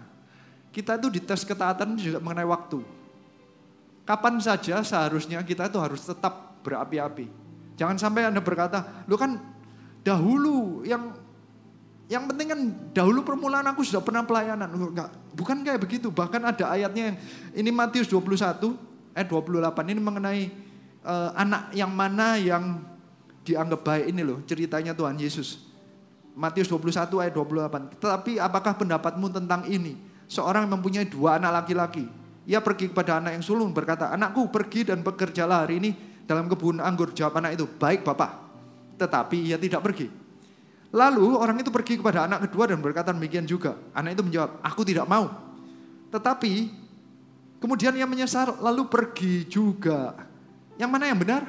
Yang kedua katanya. Berarti yang penting itu akhirnya. Bahkan di 2 Timotius 4 ayat 7 dikatakan demikian. Aku telah mengakhiri pertandingan yang baik. Aku telah mencapai garis akhir. Dan aku telah memelihara iman. Ternyata pemeliharaan iman, ketaatan, itu harus sampai akhir. Nuh adalah seseorang yang taat tanpa batas waktu. Jangan sampai Anda taat itu sekali-sekali, taat itu hanya di permulaan saja. Ada orang-orang itu yang mulai berapi tapi berapi-api tapi itu hanya permulaan aja. Mungkin di zamannya dulu waktu masih muda. Ah oke, okay. istilahnya begini. Ya dulu kan masih aku belum bekerja. Eh, dulu pelayanan enggak apa-apa. Sekarang kan aku sudah kerja. Apakah engkau akan dalam tanda kutip nantinya dianggap bahwa engkau dulu pelayanan? Sama seperti gadis yang bodoh itu. Dulu dia menyiapkan pelita berapi-api dulu. Yang dianggap adalah yang berapi-api sekarang. Di saatnya. Nuh itu menyiapkan dia tanpa batas waktu. Kapan pun dia double check terus sepertinya. Mau hari, mau bulan, mau tahun. Akhirnya satu tahun dia tuh tinggal di tempat yang tertutup. Gak bisa ngelihat luar tanpa kendali. Tetapi dia nggak, aduh bosan pintunya dibuka dan dia tenggelam akhirnya. Gak seperti itu, dia menunggu sampai Tuhan berkata keluarlah. Saya percaya bahwa kita seharusnya taat. Saat ada perintah Tuhan, kita jalanin tanpa batas waktu. Kalau Tuhan berkata layani, layanilah. Se dalam tanda kutip se membosankannya sepertinya. Kadang kita cuman baru di new normal gini aja. Belum sampai setahun ya. Nuh itu sudah setahun, lebih parah dia di lockdownnya. Dia nggak bisa keluar ke mana-mana. Baunya bau binatang di mana-mana gitu kayaknya ya. Tapi dia tetap setia. Bahkan Alkitab mencatat bahwa dia taat. Bahkan dengan ketiga taatnya ini. Terbukti begitu setelah benar-benar keluar. Ternyata terbukti ada orang itu taat. Tetapi itu loh karena salah taat atau permulaannya salah. Tapi kalau Nuh ini karena permulaannya benar. Tadi dikatakan bahwa dia adalah seseorang yang bergaul dengan Tuhan. Dia adalah seseorang yang benar-benar punya pengenalan yang akan Tuhan yang benar. Jadi apa pun yang dilakukan benar juga. Saya mau ajak Anda melihat ada satu uh, perumpamaan Tuhan Yesus yang menjelaskan bahwa cara pandang kita atau pengenalan kita dengan Tuhan itu bisa membuat salah keputusan. Membuat kita tidak taat. Itu di Matius 25 ayat 20. Ini cerita mengenai yang ada yang lima talenta, dua talenta, satu talenta. Hamba yang menerima lima talenta itu datang dan ia membawa laba lima talenta. Katanya, Tuhan, lima talenta Tuhan percayakan padaku. Lihat, aku telah beroleh laba lima talenta. Maka tuannya eh, kata tuannya kepadanya, baik sekali perbuatanmu itu, hai hambaku yang baik dan setia. Ia telah setia dalam perkara kecil, aku akan memberikan padamu tanggung jawab dalam perkara yang besar. Masuklah dan turutlah dalam kebahagiaan Tuhanmu. Yang dua talenta juga begitu. Tetapi ada yang satu talenta lain. Kini datanglah juga, ini ayat 27, Matius 25 ayat 27. Kini datanglah juga hamba yang menerima satu talenta itu dan berkata Tuhan, aku tahu bahwa Tuhan adalah manusia yang kejam, yang menuai di tempat yang Tuhan tidak menabur dan yang memungut dari tempat di mana Tuhan tidak menanam. Karena itu aku takut dan pergi menyembunyikan talenta Tuhan di dalam tanah. Ini terimalah kepunyaan Tuhan. Sebentar. Ini yang satu talenta tidak melakukan, tidak taat karena dia salah pengertian. Dia salah mengenal, dia berkata, dia klaim orang yang punya satu talenta. Aku tahu, berarti pengenalannya salah. Dia berkata, aku tahu bahwa Tuhan adalah manusia yang kejam.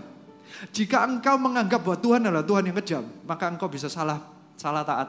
Anda salah pengetahuan, salah karena salah pengetahuan Anda salah mengambil kesimpulan. Jika engkau menganggap bahwa kondisi yang sekarang ini engkau anggap bahwa Tuhan itu jahat, Anda bisa-bisa nggak tahan. Jika engkau sekarang merasa bahwa Tuhan itu gak peduli kepadamu, saat ini juga bisa-bisa Anda tidak taat lagi. Ubah pengenalanmu kepada Tuhan. maka engkau bisa taat. Kenapa yang namanya Nuh bisa taat? Karena dia bergaul dengan Tuhan. Dia nurun pergaulannya sama seperti Metusela sudah menceritakan mengenai Henok. Dia nurun, dia dapat urap, dia dapat warisan dari Henok yang benar. Dia bergaul dengan Tuhan. Orang yang bergaul dengan Tuhan, ujung-ujungnya dia bisa taat. Orang yang kenal kepada Tuhannya, ujung-ujungnya dia taat. Makanya saya tetap di dalam masa ini, saya tetap mengajarkan firman Tuhan. Membosankankah? Terserah eh, mengenai pendapat Anda. Menurut saya, pengenalan akan Tuhan ini akan membuat apa pun yang saya lakukan itu ujung-ujungnya sama seperti Nuh. Karena dia kenal, dia taat dengan benar. Kalau orang tidak kenal, dia bisa melakukan sesuatu yang tidak mau dia lakukan. Begitu benarnya hatinya, ini yang dilakukan Nuh begitu keluar dia sudah melewati segala masalahnya. Ini yang terjadi di kejadian 8 ayat 20. Lalu Nuh mendirikan mesbah bagi Tuhan dari segala binatang yang tidak haram dan dari segala burung yang tidak haram diambil diambil nyalah beberapa ekor. Lalu ia mempersembahkan korban bakaran di atas mesbah itu. Anda harus bayangkan apa yang terjadi. Setelah setahun yang terjadi adalah hujan itu tidak pernah didengar, tidak pernah tahu mereka. Selama 40 hari hujan, Anda bisa bayangkan. Kadang tuh kalau hujan yang paling keras di Indonesia, hujannya cukup keras. Itu suaranya tuh menakutkan. Kalau orang nggak pernah tahu hujan, tiba-tiba ada suara hujan. Itu benar-benar rasanya hancur. Anda bayangkan itu 40 hari berteri, ada hujan terus. Selama 40 hari itu, Anda tahu nggak di tengah-tengah hujan itu ada teriakan orang yang berteriak-teriak. Nuh buka pintu. Anda nggak percaya? Itu kan saya ngomong ada ratusan juta orang sekeliling dia juga. Mereka itu mungkin ada yang nggak pernah berenang ya mungkin ya. Tapi yang bisa nempel di pohon atau apa yang masih gantung-gantung 40 hari masih hidup nggak? Saya nggak tahu tahannya berapa lama. Tapi dia berteriak, tolong, tolong itu kejadian yang menakutkan. Setelah itu dia membayangkan begitu, setelah satu tahun dia keluar, dia sampai di tanah kering, apa yang dia lihat kehancuran. Dulu ada rumah, ada semua. Yang dia lihat setelah satu tahun itu semua itu, dia melihat itu kehancuran. Yang dia lihat itu semuanya mati, adanya tulang belulang, tulangnya binatang, tulangnya manusia, di mana-mana itu kehancuran. Semua yang masih hidup yang ada di dunia itu yang dia bawa di uh, bahteranya. Dan gara, Anda harus bayangkan, berarti semua yang ada di dalam itu adalah limited resource. Limited itu berarti ada batasannya binatang yang dia korbankan itu semua itu ada batasannya. Hanya itu yang dia punya. Tapi Nuh mempersembahkannya. Kadang kalau ini hanya ada tujuh pasang yang hidup. Belum waktu yang dia makan tinggal enam, tinggal lima. Lima dia masih mempersembahkan beberapa ekor. Kok bisa banyak orang itu kalau ditantang, ayo persembahkan hidupmu. Anda bilang, waktuku terbatas. Anda selalu mengomong, berbicara mengenai keterbatasan. Nuh tidak pernah berbicara mengenai keterbatasan. Keterbatasan Nuh itu mengenai dunia. Hanya itu yang paling berharga. Itu tinggal tiga sapi yang paling yang hidup di dunia ini yang paling valuable. Dia korbankan kepada Tuhan. Nuh adalah seseorang yang mengenal hati Tuhan. Nuh itu mengerti apa artinya pengorbanan Tuhan. Nuh adalah seseorang yang mengerti pengorbanan Tuhan Yesus Kristus di atas kayu salib. Bahtera ini adalah arti dari bahteranya adalah Tuhan Yesus Kristus bagi kita zaman sekarang. Dunia ini semua tidak ada yang baik. Hanya jika kita melalui Tuhan Yesus Kristus, bahteranya, kita akan diselamatkan. Kita mengerti bahwa dengan pengorbanan di atas Tuhan Yesus Kristus, kita yang mestinya nggak layak ini dianggap tidak bercela di mata Tuhan.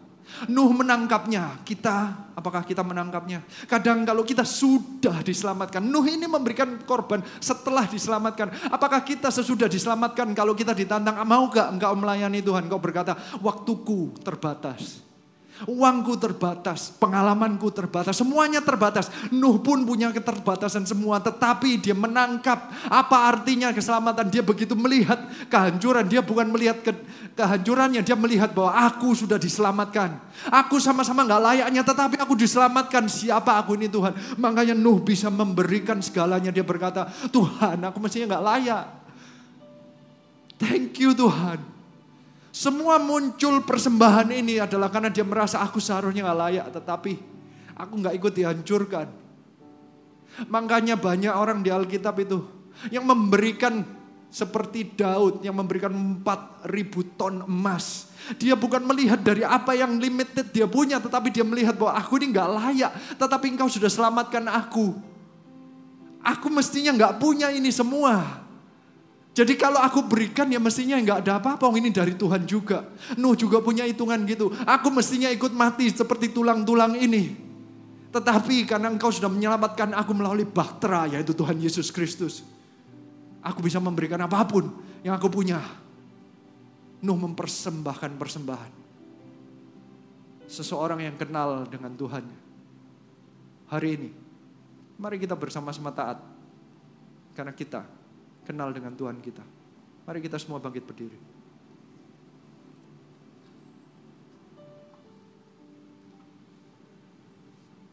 Nuh adalah seseorang yang taat kepada Tuhan. Karena dia kenal dengan Tuhannya. Dia bisa taat tanpa mengerti seluruhnya. Dia bisa taat tanpa memegang kendali. Dia melepaskan kendalinya kepada Tuhan. Dia bisa taat tanpa ada batas waktu. Dia bisa setia sampai akhir.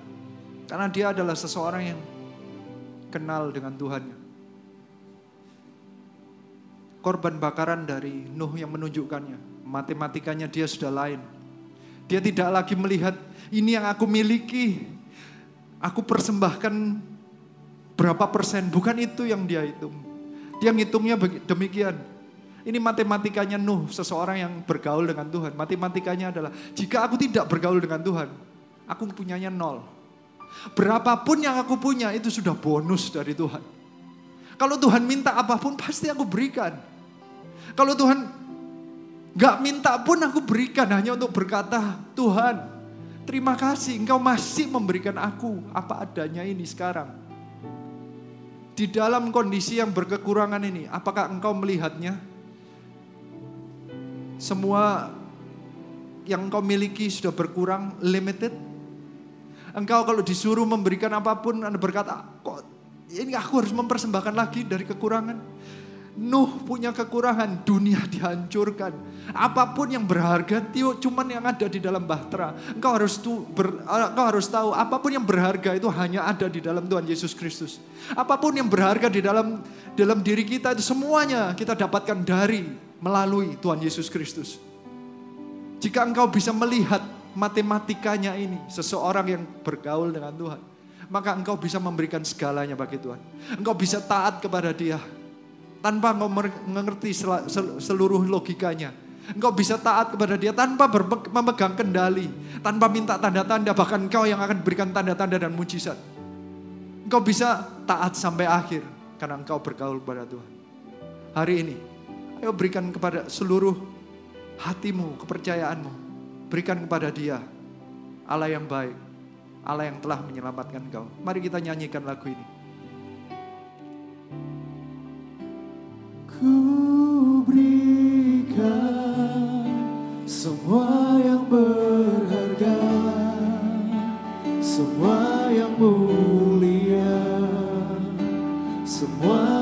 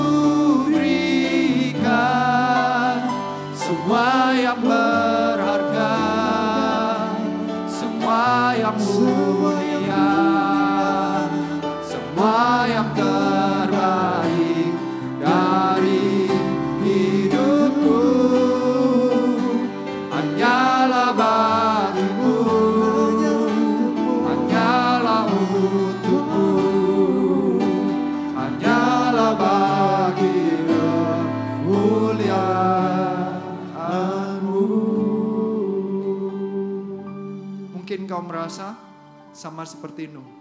Kau merasa bahwa dunia di sekelilingmu sedang hancur. Mungkin kau sudah mendengarkan firman Tuhan, tetapi engkau masih belum mengerti seluruhnya. Hamba mengajak, dengarkan suara Tuhan meskipun kau belum mengerti. Biar engkau belajar seperti Nuh. Belum mengerti seluruhnya pun, lebih baik kita belajar untuk taat. Sama seperti Tuhan Yesus Kristus yang selalu belajar. Biarlah hari ini kita belajar untuk taat. Mungkin engkau juga merasa bahwa engkau masih butuh tanda, engkau masih nggak yakin. Kadang butuh melihat sedikit kasih Tuhan, kasih penglihatan sedikit aja. Apakah aku di jalan yang benar? Biarlah engkau belajar seperti Nuh. Tanpa jendela pun, tanpa kendali pun, dia percaya. Dia tetap taat. Tuhan Yesus adalah jalan kebenaran dan hidup. Jika kita tetap berada di dalam dia, kita nggak tahu ke arah mana kehidupan kita. Selama kita berada di dalam dia, kita nanti percaya kok. Tuhan itu akan bawa ke tempat yang baik. Bukan ke mana kita pergi, tetapi di mana kita berada. Selama kita berada di dalam Tuhan Yesus Kristus, bila hatimu tetap tenang. Bahkan ada yang berkata, aku sudah lama, aku sudah melayani berapa lama. Biarlah hari ini kita belajar sampai seperti Nuh. Dia setia sampai akhir. Dia taat sampai akhir. Ada orang-orang yang taat di permulaan, gagal di tengah. Taat di permulaan, gagal di akhir. Biarlah kita bersama-sama belajar seperti Nuh. Kita taat sampai akhir. Dan bukan hanya itu, taat kita bukan karena ketakutan.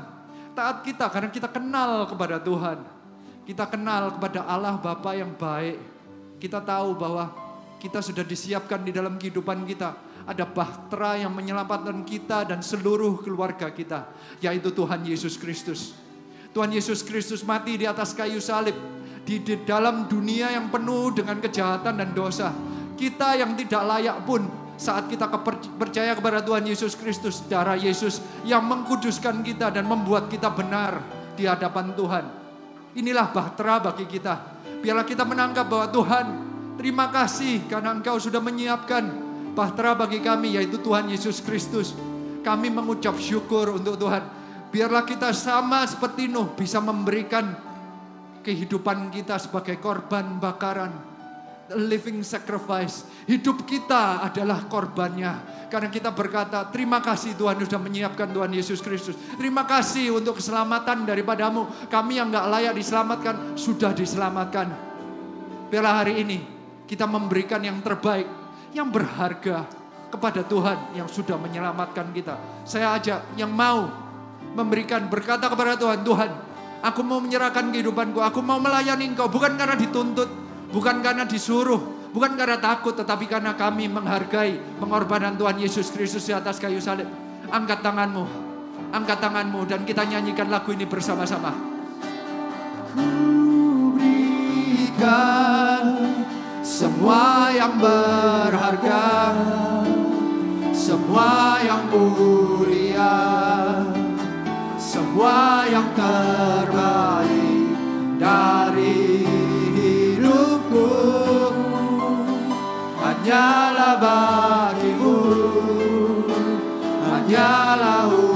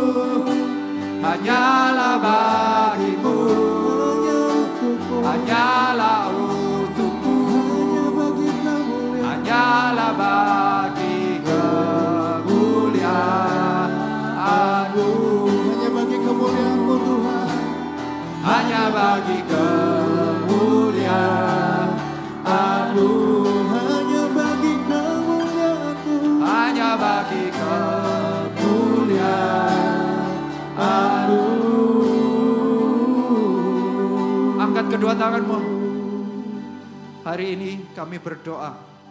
Biar setiap orang yang mungkin merasa kesepian, merasa sudah capek, merasa bertanya-tanya kapan Tuhan, masih lamakah Tuhan. Hari ini mendapatkan kekuatan yang baru. Engkau diberikan kekuatan yang baru untuk menjadi seseorang yang taat di hadapan Tuhan. Biar pengenalan kepada Tuhan selalu membuat engkau mendekat kepada Dia. Dan mulai hari ini, biar engkau selalu memberikan persembahanmu, pelayananmu dari dasar ucapan syukur kepada Tuhan. Terimalah berkat Tuhan, penyertaan Tuhan, pengenalan akan Tuhan yang membuat engkau selalu setia. Sampai ke mana pun kau pergi, melalui apa pun, di masa apa pun yang engkau lalui, di masa kegelapan pun, di masa kekeringan pun, engkau akan selalu taat dan setia kepada Tuhan. Terimalah berkat dan penyertaan Tuhan ini hanya di dalam nama Tuhan Yesus Kristus. Semua yang percaya katakan, Amin. Ya, setelah ini jangan ke mana-mana karena kita akan lanjut untuk melihat topical discussion yang pastinya topik yang sangat menarik dan pasti akan memberkati semua daripada kita.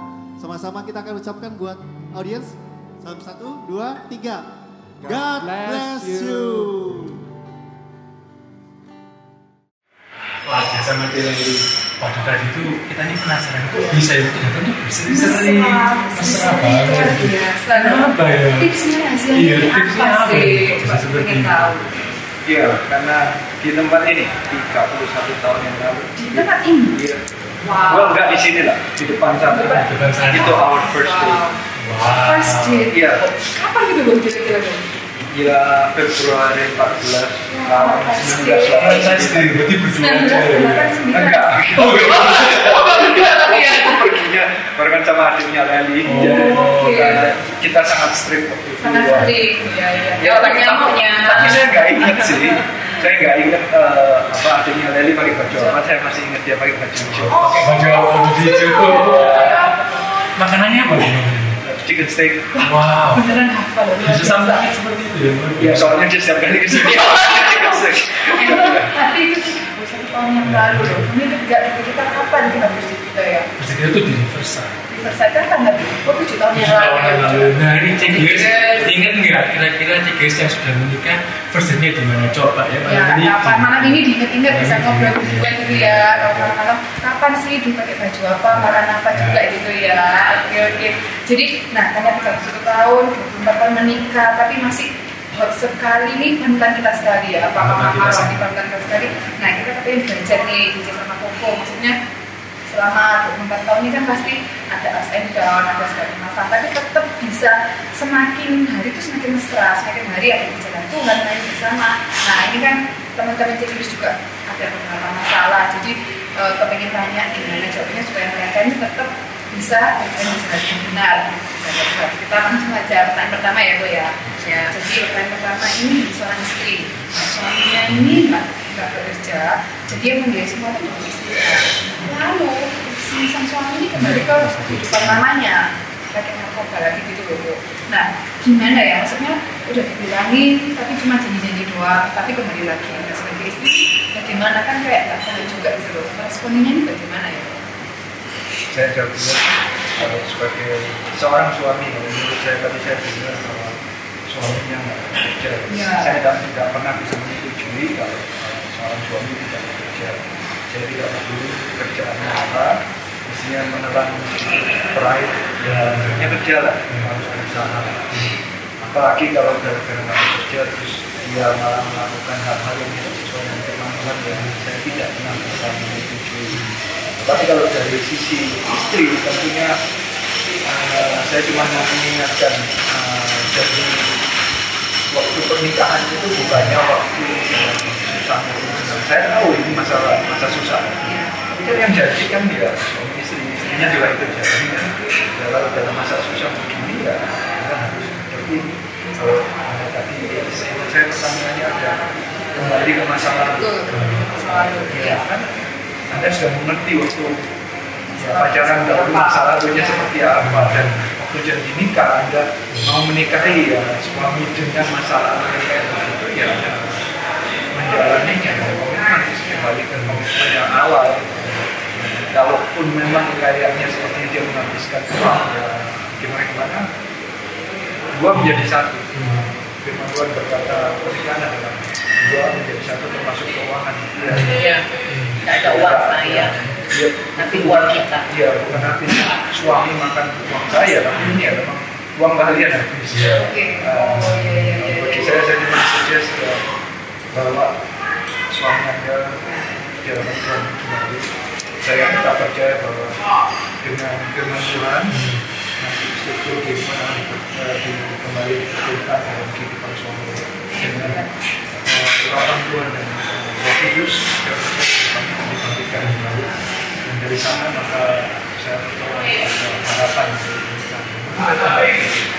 Nah, kalau dari sisi saya, saya akan eh, mengingatkan kepada yang bertanya ini, istri ya, eh, perannya Tuhan letakkan Anda sebagai istri itu peran Anda adalah sebagai penolong. Nah kalau eh, suami Anda itu sampai bisa kembali pada kehidupan yang lama, eh, istri yang sebagai penolong ini, ini adalah waktunya kamu untuk berdiri buat keluarga, berdiri buat suamimu. Kalau memang dia sampai eh, mungkinan itu narkoba itu adalah tempat dia Pelampiasan. pelampiasannya eh, karena dia tidak mendapatkan sesuatu. Mungkin dia merasa karena eh, sebagai seorang suami itu eh, tanggung jawab pasti ngerti lah. Sebagai suami ngerti bahwa tanggung jawab dia adalah untuk membiayai keluarganya. Ketika dia tidak berhasil, ada kemungkinan dia merasa nggak berhasil. ya ketika nggak berhasil maka dia lah pelarian. pelariannya, tempat pelarian buat dia. Nah, em, oleh karena itu saya tidak menyarankan sebagai penolong dengan kondisi seperti itu. Justru jangan sampai Anda itu memaki-maki, merendahkan. Justru waktunya Anda menolong, cari apa yang menjadi sumbernya dan apa yang bisa kamu kerjakan untuk menolong suamimu. Justru kamu jangan eh, memarah-marahin kamu tuh menghabisi uang saya, saya yang kerja. Itu akan semakin mematikan dan semakin terpuruk kondisi suami. Mestinya berarti kan kayak mem- membuat rumah tangga itu bukan tempat uh, menja- dijauhi tapi malah tempat aman. Tempat gitu ya, Bu, ya. berlindung, Bukannya Ya. lari keluar, mestinya lari ke dalam, uh, ya. pernikahan. Seharusnya istrinya yang Ya, saya berharap- tangga yang membuat suaminya nyaman untuk Ya, menceritakan, untuk Terbuka uh, gitu ya, menyatakan ke Ya, frustrasinya. saya gagal di sini, saya nggak berhasil. Eh, gimana ya? Kamu ada saran nggak? Jadi ada kerjasama di Sekali antara lagi tapi kita tidak pernah menyetujui bahwa seseorang itu pelariannya adalah ke sesuatu yang tidak sesuai firman Tuhan. Iya, Kami iya. tetap berkata pada yang suami ya kamu harus bertanggung jawab, kamu harus bekerja, Iya, iya. jangan, jangan menjauhi Tuhan, jangan uh, kembali ke masa Lalu. lalu, tapi malah berlarilah kepada Tuhan bersama-sama dengan uh, pasangan dengan istri Anda. Ya. Tapi kalau misalnya ya, itu kan emang itu udah udah bagus banget gitu maksudnya ya memang benar sebenarnya seperti itu. Tapi kadang-kadang itu kita menemukan ada anak-anak didik kita juga setting istri itu nggak bisa. Sebenarnya dia bilang nah ini aku ya seperti ini pas aku harus mengampuni pas aku harus pas aku harus bisa menerima suami suamiku seperti ini? Gimana ya misalnya ada istri-istri yang udah diomongin sudah benar tapi nggak mau nerima apa ya Bu? Ya, ya kalau uh, masalah mengampuni sebenarnya ada firman Tuhan yang mengampuninya berapa kali? Tujuh Tujuh kali ya, Tujuh kali. Ya, itu, ya. itu enggak itu bisa diomongin setiap hari atau setiap kali salah kan gitu ya.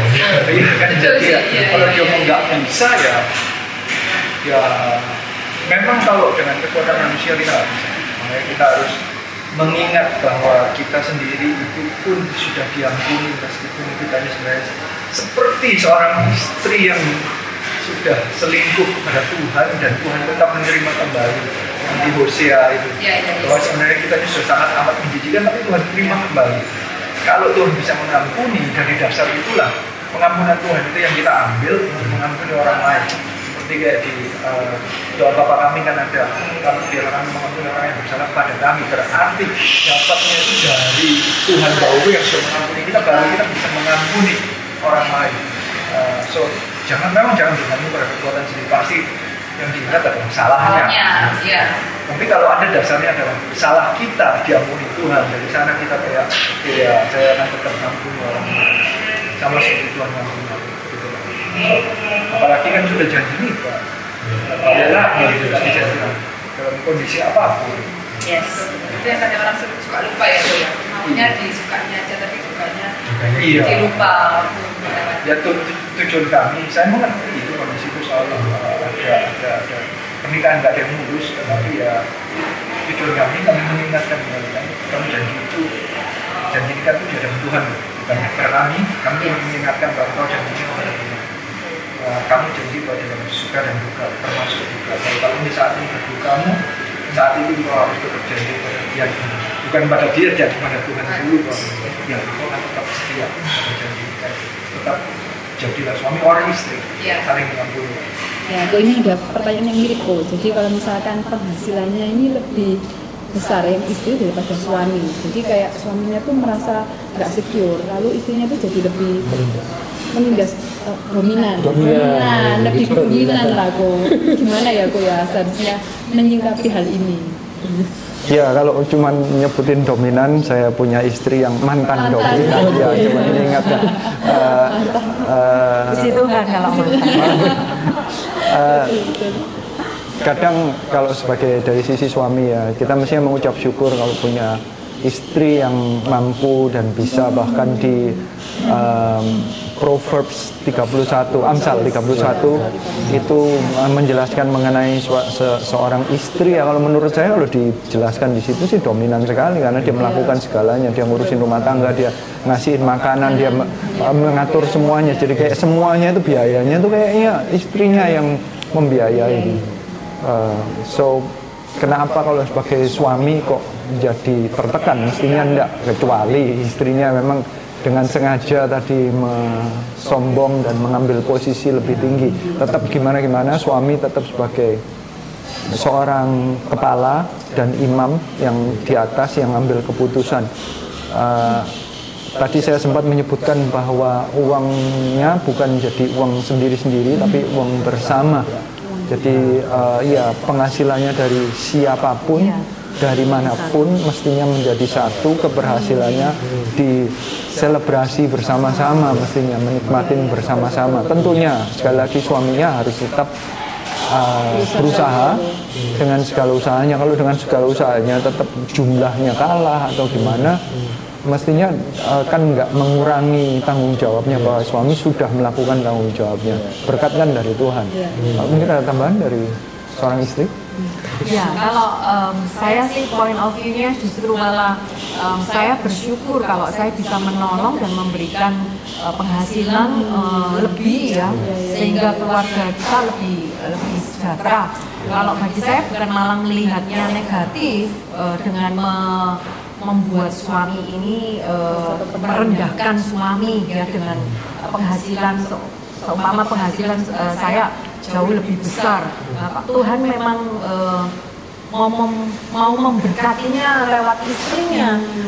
Harusnya si istri tidak boleh bermegah, tapi justru eh, kalau bagi saya saya justru malah bersyukur ya Tuhan karena saya bisa ambil bagian untuk mem- membantu menolong suami saya gitu loh dalam eh, hal pekerjaan.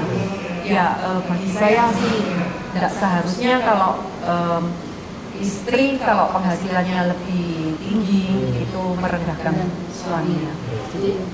Terus makanya kan itu namanya penolong ya. Jadi Iya. Kalau istri kan sebagai penolong ya seperti itu. Kesatuan ya, bukan berkompetisi Iya. ya antara suami Iya. istri. Benar, benar. Oke, pertanyaan selanjutnya nih. Nah, jadi eh, ke, Koko mungkin ya. Jadi ini tuh kalau misalkan istri itu merasa gemes gitu loh. Kalau suami itu lama buat keputusan, jadi kayak istrinya tuh kepingin supaya cepet ya. Iya, yang itu aja lah yang ambil gitu. Gimana ya respon Koko itu eh, untuk hal itu? Padahal kan yang enak itu kan yang imam, harusnya kan dia yang bikin keputusan yang cepat. Kita kan tinggal ikut gitu loh. Gimana menurut Koko? Ya kalau gemes ya dirangkul aja. ya mungkin itu uh, tujuannya suaminya gitu loh supaya dirangkul.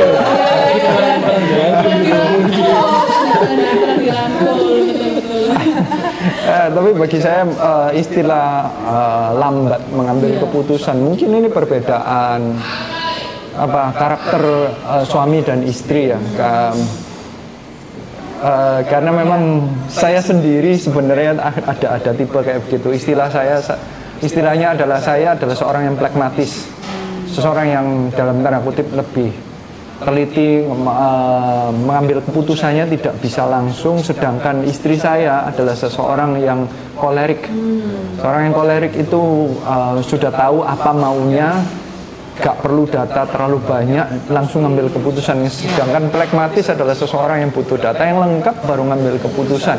Jadi kelihatannya dari segi waktu kelihatannya adalah lebih lambat tapi itu bukan masalah lambat atau tidak, tapi karena masalah karakternya yang memang berbeda cara berpikirnya.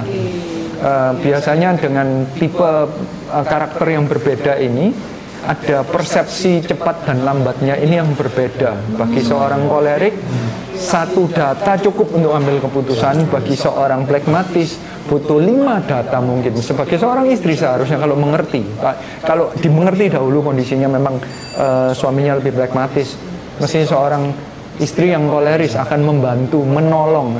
Itu yang terjadi dengan saya mengucap syukur mantan dominan ya kan.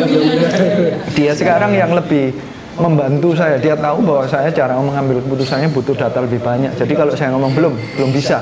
Dia mengerti kurangnya apa. Dia nanya, "Ah, kenapa belum diambil keputusan? Iya karena aku nggak tahu ini, nggak tahu ini. Dia berusaha untuk cari tahu penolong sebagai penolong. Dengan yang sudah diambil keputusan tanggung jawab seorang suami tidak bisa alasan cuman karakter aja terus nggak ngambil keputusan. Setelah datanya memang cukup ya dia harus ngambil keputusan sebagai pemimpin. Saya sendiri eh, dahulu sudah biasa dikelilingin oleh orang-orang yang kolerik. Eh, mama saya termasuk orang yang dominan juga. Eh, kakak saya juga termasuk orang yang pandai dan dominan juga Um, papa saya juga seorang yang cukup pandai dan mengambil keputusan sendiri. Jadi saya ini dikelilingin orang dominan. Saya nggak biasa ngambil keputusan. Tapi di dalam Tuhan, kalau karakter saya tidak, uh, saya tidak overly dependent on my own state. Saya tidak ngomong bahwa ini masa lalu saya. Di dalam saya, uh, di dalam Tuhan Yesus Kristus saya menjadi ciptaan yang baru. Sifat saya diubahkan makin lama makin mirip Kristus. Jadi saya nggak bisa ngomong bahwa itu karakter saya. Tapi kalau ada Tuhan Yesus Kristusnya berarti saya harus ada sifat-sifat yang lain yang saya bisa bergantung kepada Tuhan Yesus bukan pada karakter saya yang lama. Sehingga akhirnya saya tetap harus ngambil keputusan meskipun daging saya adalah pragmatis. Tapi kalau memang posisi saya sebagai pemimpin dan uh, kepala rumah tangga harus ngambil keputusan.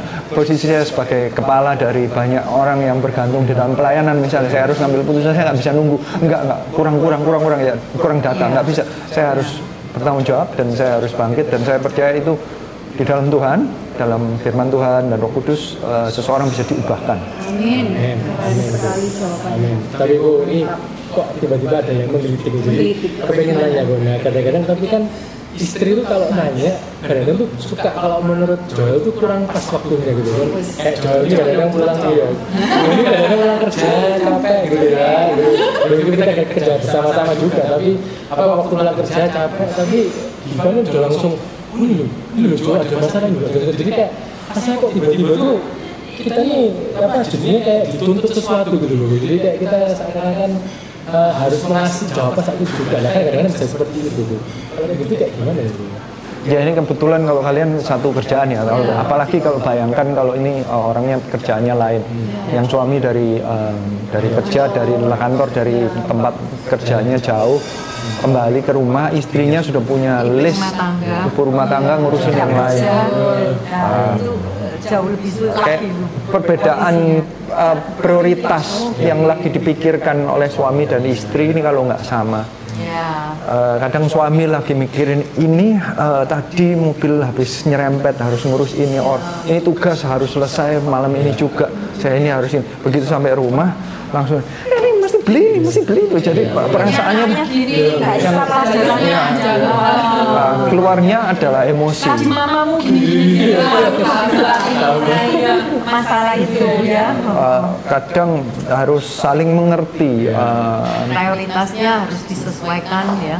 Iya harus ada penyamaan. Makanya mungkin ada saatnya harus saling mengerti. Kalau memang kayak begitu ya mungkin duduk sebentar kayak saling update apa yang terjadi uh, biar saling mengerti.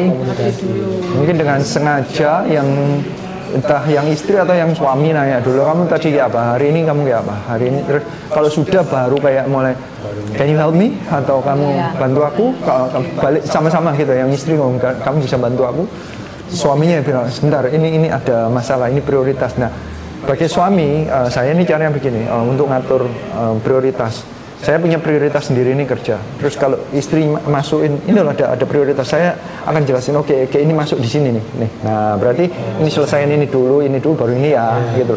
Setelah kalau sudah ada komunikasi uh, mungkin time limitnya dia juga nggak setinggi tadi. Kalau saya, oh iya ada yang lebih penting misalnya gini, ini ya, ya kalau nggak tak selesai ini bonus nggak keluar. ya. Ya ya mesti mesti mesti dijelasin ya ini kalau nggak tak selesaiin bonus nggak keluar. Kita nggak bisa makan kamu nggak bisa nggak jadi jalan-jalan. Gimana? Tak selesaiin apa enggak kan gitu misalnya. Nah mungkin dengan kesamaan gitu prioritasnya sama nanti akan mungkin mengurangi uh, clash. Jadi komunikasi penjelasan itu penting bagi, per, bagi perempuan penting, bagi laki mungkin harus harus memberi. Harus menjelaskan. Kalau kalau cuma cuek kemudian enggak tahu nanti aja ya. ya. Mungkin ya istrinya akan emosi terus. Iya, ya. Kok merasa gak dianggap gitu ya. Padahal ini hal penting, ya kan? Ya, padahal kan maksudnya ini hal penting buat si istri, tapi kok begitu diceritain kok langsung cuma ditolak begitu saja. Ya memang sering kali yang saya lihat itu uh, pihak suami ini um, terlalu uh, apa ya tidak mau uh, berbicara menyampaikan komunikasinya ini terlalu uh, terlalu sedikit. Ya. Sedangkan memang istri-istri ini banyak sekali yang kata-katanya terlalu banyak. Ya. Uh, si istri tapi si suami itu terlalu sedikit. Nah, oleh karena itu uh, saya uh, menganjurkan bagi yang bertanya uh, dalam kondisi yang seperti itu komunikasi ayo dibangun yang laki juga jangan menang-menang uh, karena anda punya prioritas sendiri ya, ya. istri nggak dianggap ya, bukan seperti itu sih ya. Seperti tadi yang uh, Pak Adil tadi sudah jelaskan oke okay, uh, komunikasikan mana yang prioritas yang lebih dahulu harus kita selesaikan. Ya. Tapi saling mendengar. Saling mendengar, betul. Soalnya laki biasanya kan singkat padat tapi nggak jelas dia. Nah, jadi ini harus singkat padat tapi ya. jelas. jelas nggak jelas. Ya, nanti. gitu. Oke, ini belum pernah komunikasi aja. Nah, yang perempuan-perempuan tuh kadang yang lagi sempat disebutkan kalau perempuannya ibu rumah tangga, yang lakinya bekerja, suaminya bekerja itu. Nah, suami itu jadi merasa kayak jarang motivasi tentang pekerjaannya. Jadi uh, misalkan dalam keputusan bisnis memutuskan dulu baru cerita. Jadi istri itu merasa nggak dilibatkan. Nah ini gimana? Kalau sudah diputuskan kan percuma kan sih kalau cerita. Ini gimana menurut Koko Cici uh, untuk seperti ini tuh bagi untuk suami harusnya bagaimana? Istrinya juga bagaimana? Uh, itu mungkin karena salah persepsi selama ini karena suami nggak cerita itu karena uh, di ayat firman Tuhan itu uh, pernikahan itu suami dan istri itu ternyata dalam bahasa Inggrisnya kata-katanya adalah equal partners. Equal partner, oke. Okay. Uh, meskipun suami adalah tetap kepala, pemimpin, tetapi kalau secara uh, kongsi saham oh, itu 50-50. Oh iya, betul betul. Uh, 50-50. Uh, meskipun pekerjaannya lain, dunianya lain, tapi hidup itu mereka 50-50 mereka dua menjadi satu. Uh, jangan dipisah-pisah pekerjaan sendiri rumah tangga yeah. sendiri pelayanan sendiri tapi jadi satu one life yang jalanin itu barengan. Bersama-sama uh, segala aspeknya. Kehidupan. Makanya kalau memang suami harus menceritakan itu ya ya sewajarnya karena itu partnermu ya memang shareholder nggak semuanya diceritain jelas detail. Tapi kan kayak ada laporan kepada shareholder. Nah istri anda sebagai shareholder itu anda harus menjelaskan kehidupan bisnismu. Memang nggak ngomongin detail. Misalnya misalnya seorang dokter ya istrinya nggak diharap. Kalau nggak dokter istrinya yang ngapain? Dia ceritanya ya nggak ngerti ya. Tapi kan bisa ngomongin eh iya ini ada yang ada yang berat ya, atau ada yang apa ya, ada yang kawat sering cerita dari kita sering mendengarkan walaupun kita bukan dokter tapi uh, mertua saya uh, Prof. Erwin itu dokter. Jadi uh, kalau misalnya ada apa-apa di meja makan memang kan uh, keluarga biasanya komunikasi di meja makan itu. Nah dia uh, sering menceritakan ada pasien gawat. Uh, saya kemarin sampai dibangunin berapa kali. Jadi mengajak untuk keluarganya itu tahu kondisinya. Iya, Sekalipun iya, kita iya. bukan dokter, Iya. tapi melibatkan bahkan sampai kepada anak dan menantunya untuk tahu kondisi kondisi keadaannya. Nah, eh, saya berharap sih para suami walaupun istrimu adalah ibu rumah tangga tapi jangan meremehkan karena itu partnermu. Justru eh, istrimu itu bisa membantu dalam doa, bukankah doa itu adalah komunikasi yang paling penting dengan Yes. Tuhanmu. Dengan ketika Tuhan itu beracara kalau kamu punya kesulitan kalau kamu bicara dengan istri dan istri berdoa mengadunya kepada Tuhan dan meminta pengharapannya kepada Tuhan nah, mujizat itu pasti terjadi. Amin, amin. Nah, jangan menganggap remeh eh, partner, Partner. dalam hidup Iya, iya, iya. Jadi para cekers jangan lupa ya kalian suami-suami cerita aja sama istri. Nanti istri akan bantu untuk mendoakan loh. Yes. Itu yang paling penting. Besar kuasanya ya kan. Amin. Amin. Pertanyaan berikutnya. Pertanyaan berikutnya, nah ini tentang mungkin lebih ke Celeli ya ini ya. Jadi ini tentang istri uh, Ya. bertanya, gimana kalau suami saya ini belum mengenal Tuhan, apa yang harus saya lakukan gitu? Karena kan ya susah juga sih untuk untuk menjadi suami ini juga nggak mudah, gimana menurut itu? Tapi kan mereka harus harus punya pernikahan yang di dalam Tuhan kan sih, sama-sama di dalam Tuhan. Nah, Ya. itu. um, peran dan uh, posisi uh, istri itu sangat uh, besar sekali dalam keselamatan uh, menentukan keselamatan dari suaminya. Kenapa? Karena istri itu adalah uh, orang yang terdekat, yang paling terdekat dan penginjilan yang uh, alat penginjilan dari Tuhan yang paling powerful menurut saya. Justru paling powerful ya. Justru paling powerful karena suami ini tahu segalanya dari istri.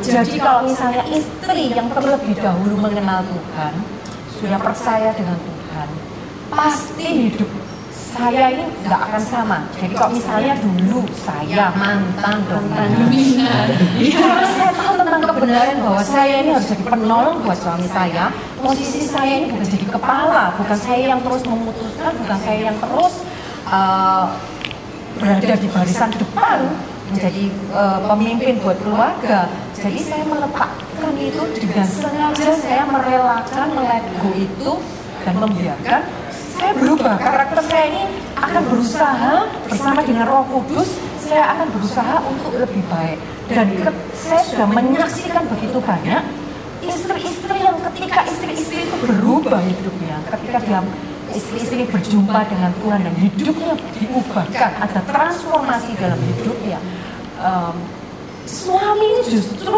dengan eh, hati gitu. Enggak dengan dengan eh, curious dengan begitu.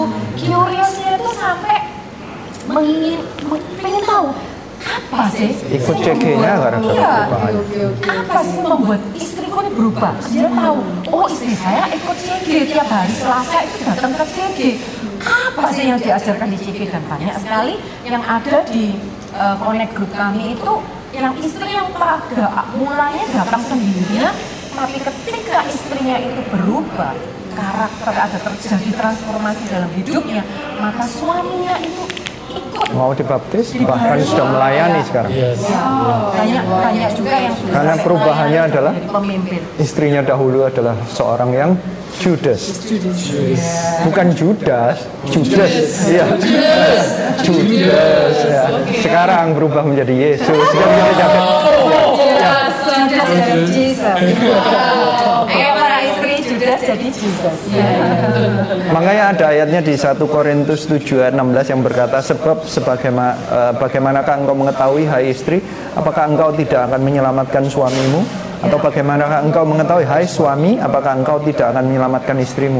Alkitab itu mengharapkan bahwa suaminya menyelamatkan istri istri menyelamatkan suami. Ma- makanya Alkitab juga mencatat bahwa eh, kita ini adalah penerjemah Alkitab. Nah, ki- Kita ini yang menjadi ambassador of Christ. Kita ini duta Kristus. Bahkan dikatakan kita ini aroma. Berarti ke mana pun kita pergi, kita ini membawa aromanya Kristus. Percuma kalau kita khotbahin dengan segala ayatnya, tapi kalau kali kehidupan sehari-hari kita baunya busuk. Eh, kalau ke, percuma kalau kita khotbah ayatnya dikatakan, tapi kehidupan kita nggak seperti duta besarnya Kristus. Jadi yang paling bisa mengubahkan itu adalah kehidupan seorang istri yang kenal Tuhan dahulu. Harus seorang suami yang kenal Tuhan dahulu. Ya, ini, Karena kita adalah jadi dua sisi sih. Ya. Ada yang suaminya yang ayatnya dua-dua loh ya. Ayatnya bukan hanya istri tapi suami juga bisa mengubahkan. Jadi um, kalaupun belum percaya Tuhan jangan ditinggalkan. Malah berharaplah akan diubahkan karena engkaulah duta dan engkaulah adalah aroma dari Kristus. Engkau yang penginjil yang terbaik bukan bukan pengkhotbah yang di luar sana tetapi yang ada di dalam rumah itu. um, uh, kau- as you- as long as you follow Christ, I, I believe keluargamu akan follow Christ juga. Ya. Amin. Jadi Jadi, ya. maksudnya apa uh, kalau suami atau istri itu bertobat ya pasangannya eh kalau suami atau istri itu berubah pasangannya pasti akan bertobat gitu. I believe, itu saya percaya gitu. Mungkin diomong otomatis. banyak sekali yang eh, yang terjadi di bawah pengembalaan kami itu hal yang seperti itu eh, datang sendirian salah satu pasangan ini datang sendirian tapi ketika hidupnya diubahkan justru menarik pasangannya untuk datang ke CG dan kenal Yesus. Siapa Yesus? Dan akhirnya dibaptis bukan hanya berhenti dibaptis tapi sampai kepada menjadi ya pelayan dan menjadi leaders banyak sekali leaders di bawah kami. Ya Bapak Rohani Jadi benar-benar back- apa itu background itu nggak penting tapi transformasi hidup ketika sudah ketemu sama Tuhan yang lebih penting. Ya. Gitu ya. Jadi para Jegres uh, percaya uh, kalau Tuhan sudah bekerja dalam hidupmu, kalau misalnya ke saat ini pun pasanganmu belum percaya sama Tuhan, ingatlah kamu tuh ambasadornya Tuhan. Ya. Jadi kita bisa bareng-bareng bawa mereka uh, pasang uh, pasangan kalian itu untuk jadi uh, percaya sama Tuhan lebih. Amin. Gitu ya. Karena pasangan kita tuh juga jiwa yang berharga loh Ya. Yes. Tuhan. Kan jiwa yang berharga. Yang kita doakan lima ribu juga itu juga itu kan Ya. masuk pasangan kita. One is not a number, one is life ya Bu ya. Yes. Amin. Satu hari sama kan siapa tahu nanti itu keluarga kita sama. Pasti dong. Amin. Ya. Oke wah masih banyak pertanyaan juga sebenarnya. Tapi waktunya sudah sudah habis. Jadi uh, mungkin Pak Adrian kita pada sama kali kita mau minta pada sama kali untuk doa buat para JBS. Ya, kita akan berdoa untuk 5000 itu ya. Yes. Ya, ya. Amin. Amin. Ya, dan di dalamnya itu ada suamimu, ada istrimu, ada anak-anakmu, ada orang tuamu. Amin. Eh, kita berdoa. Ya.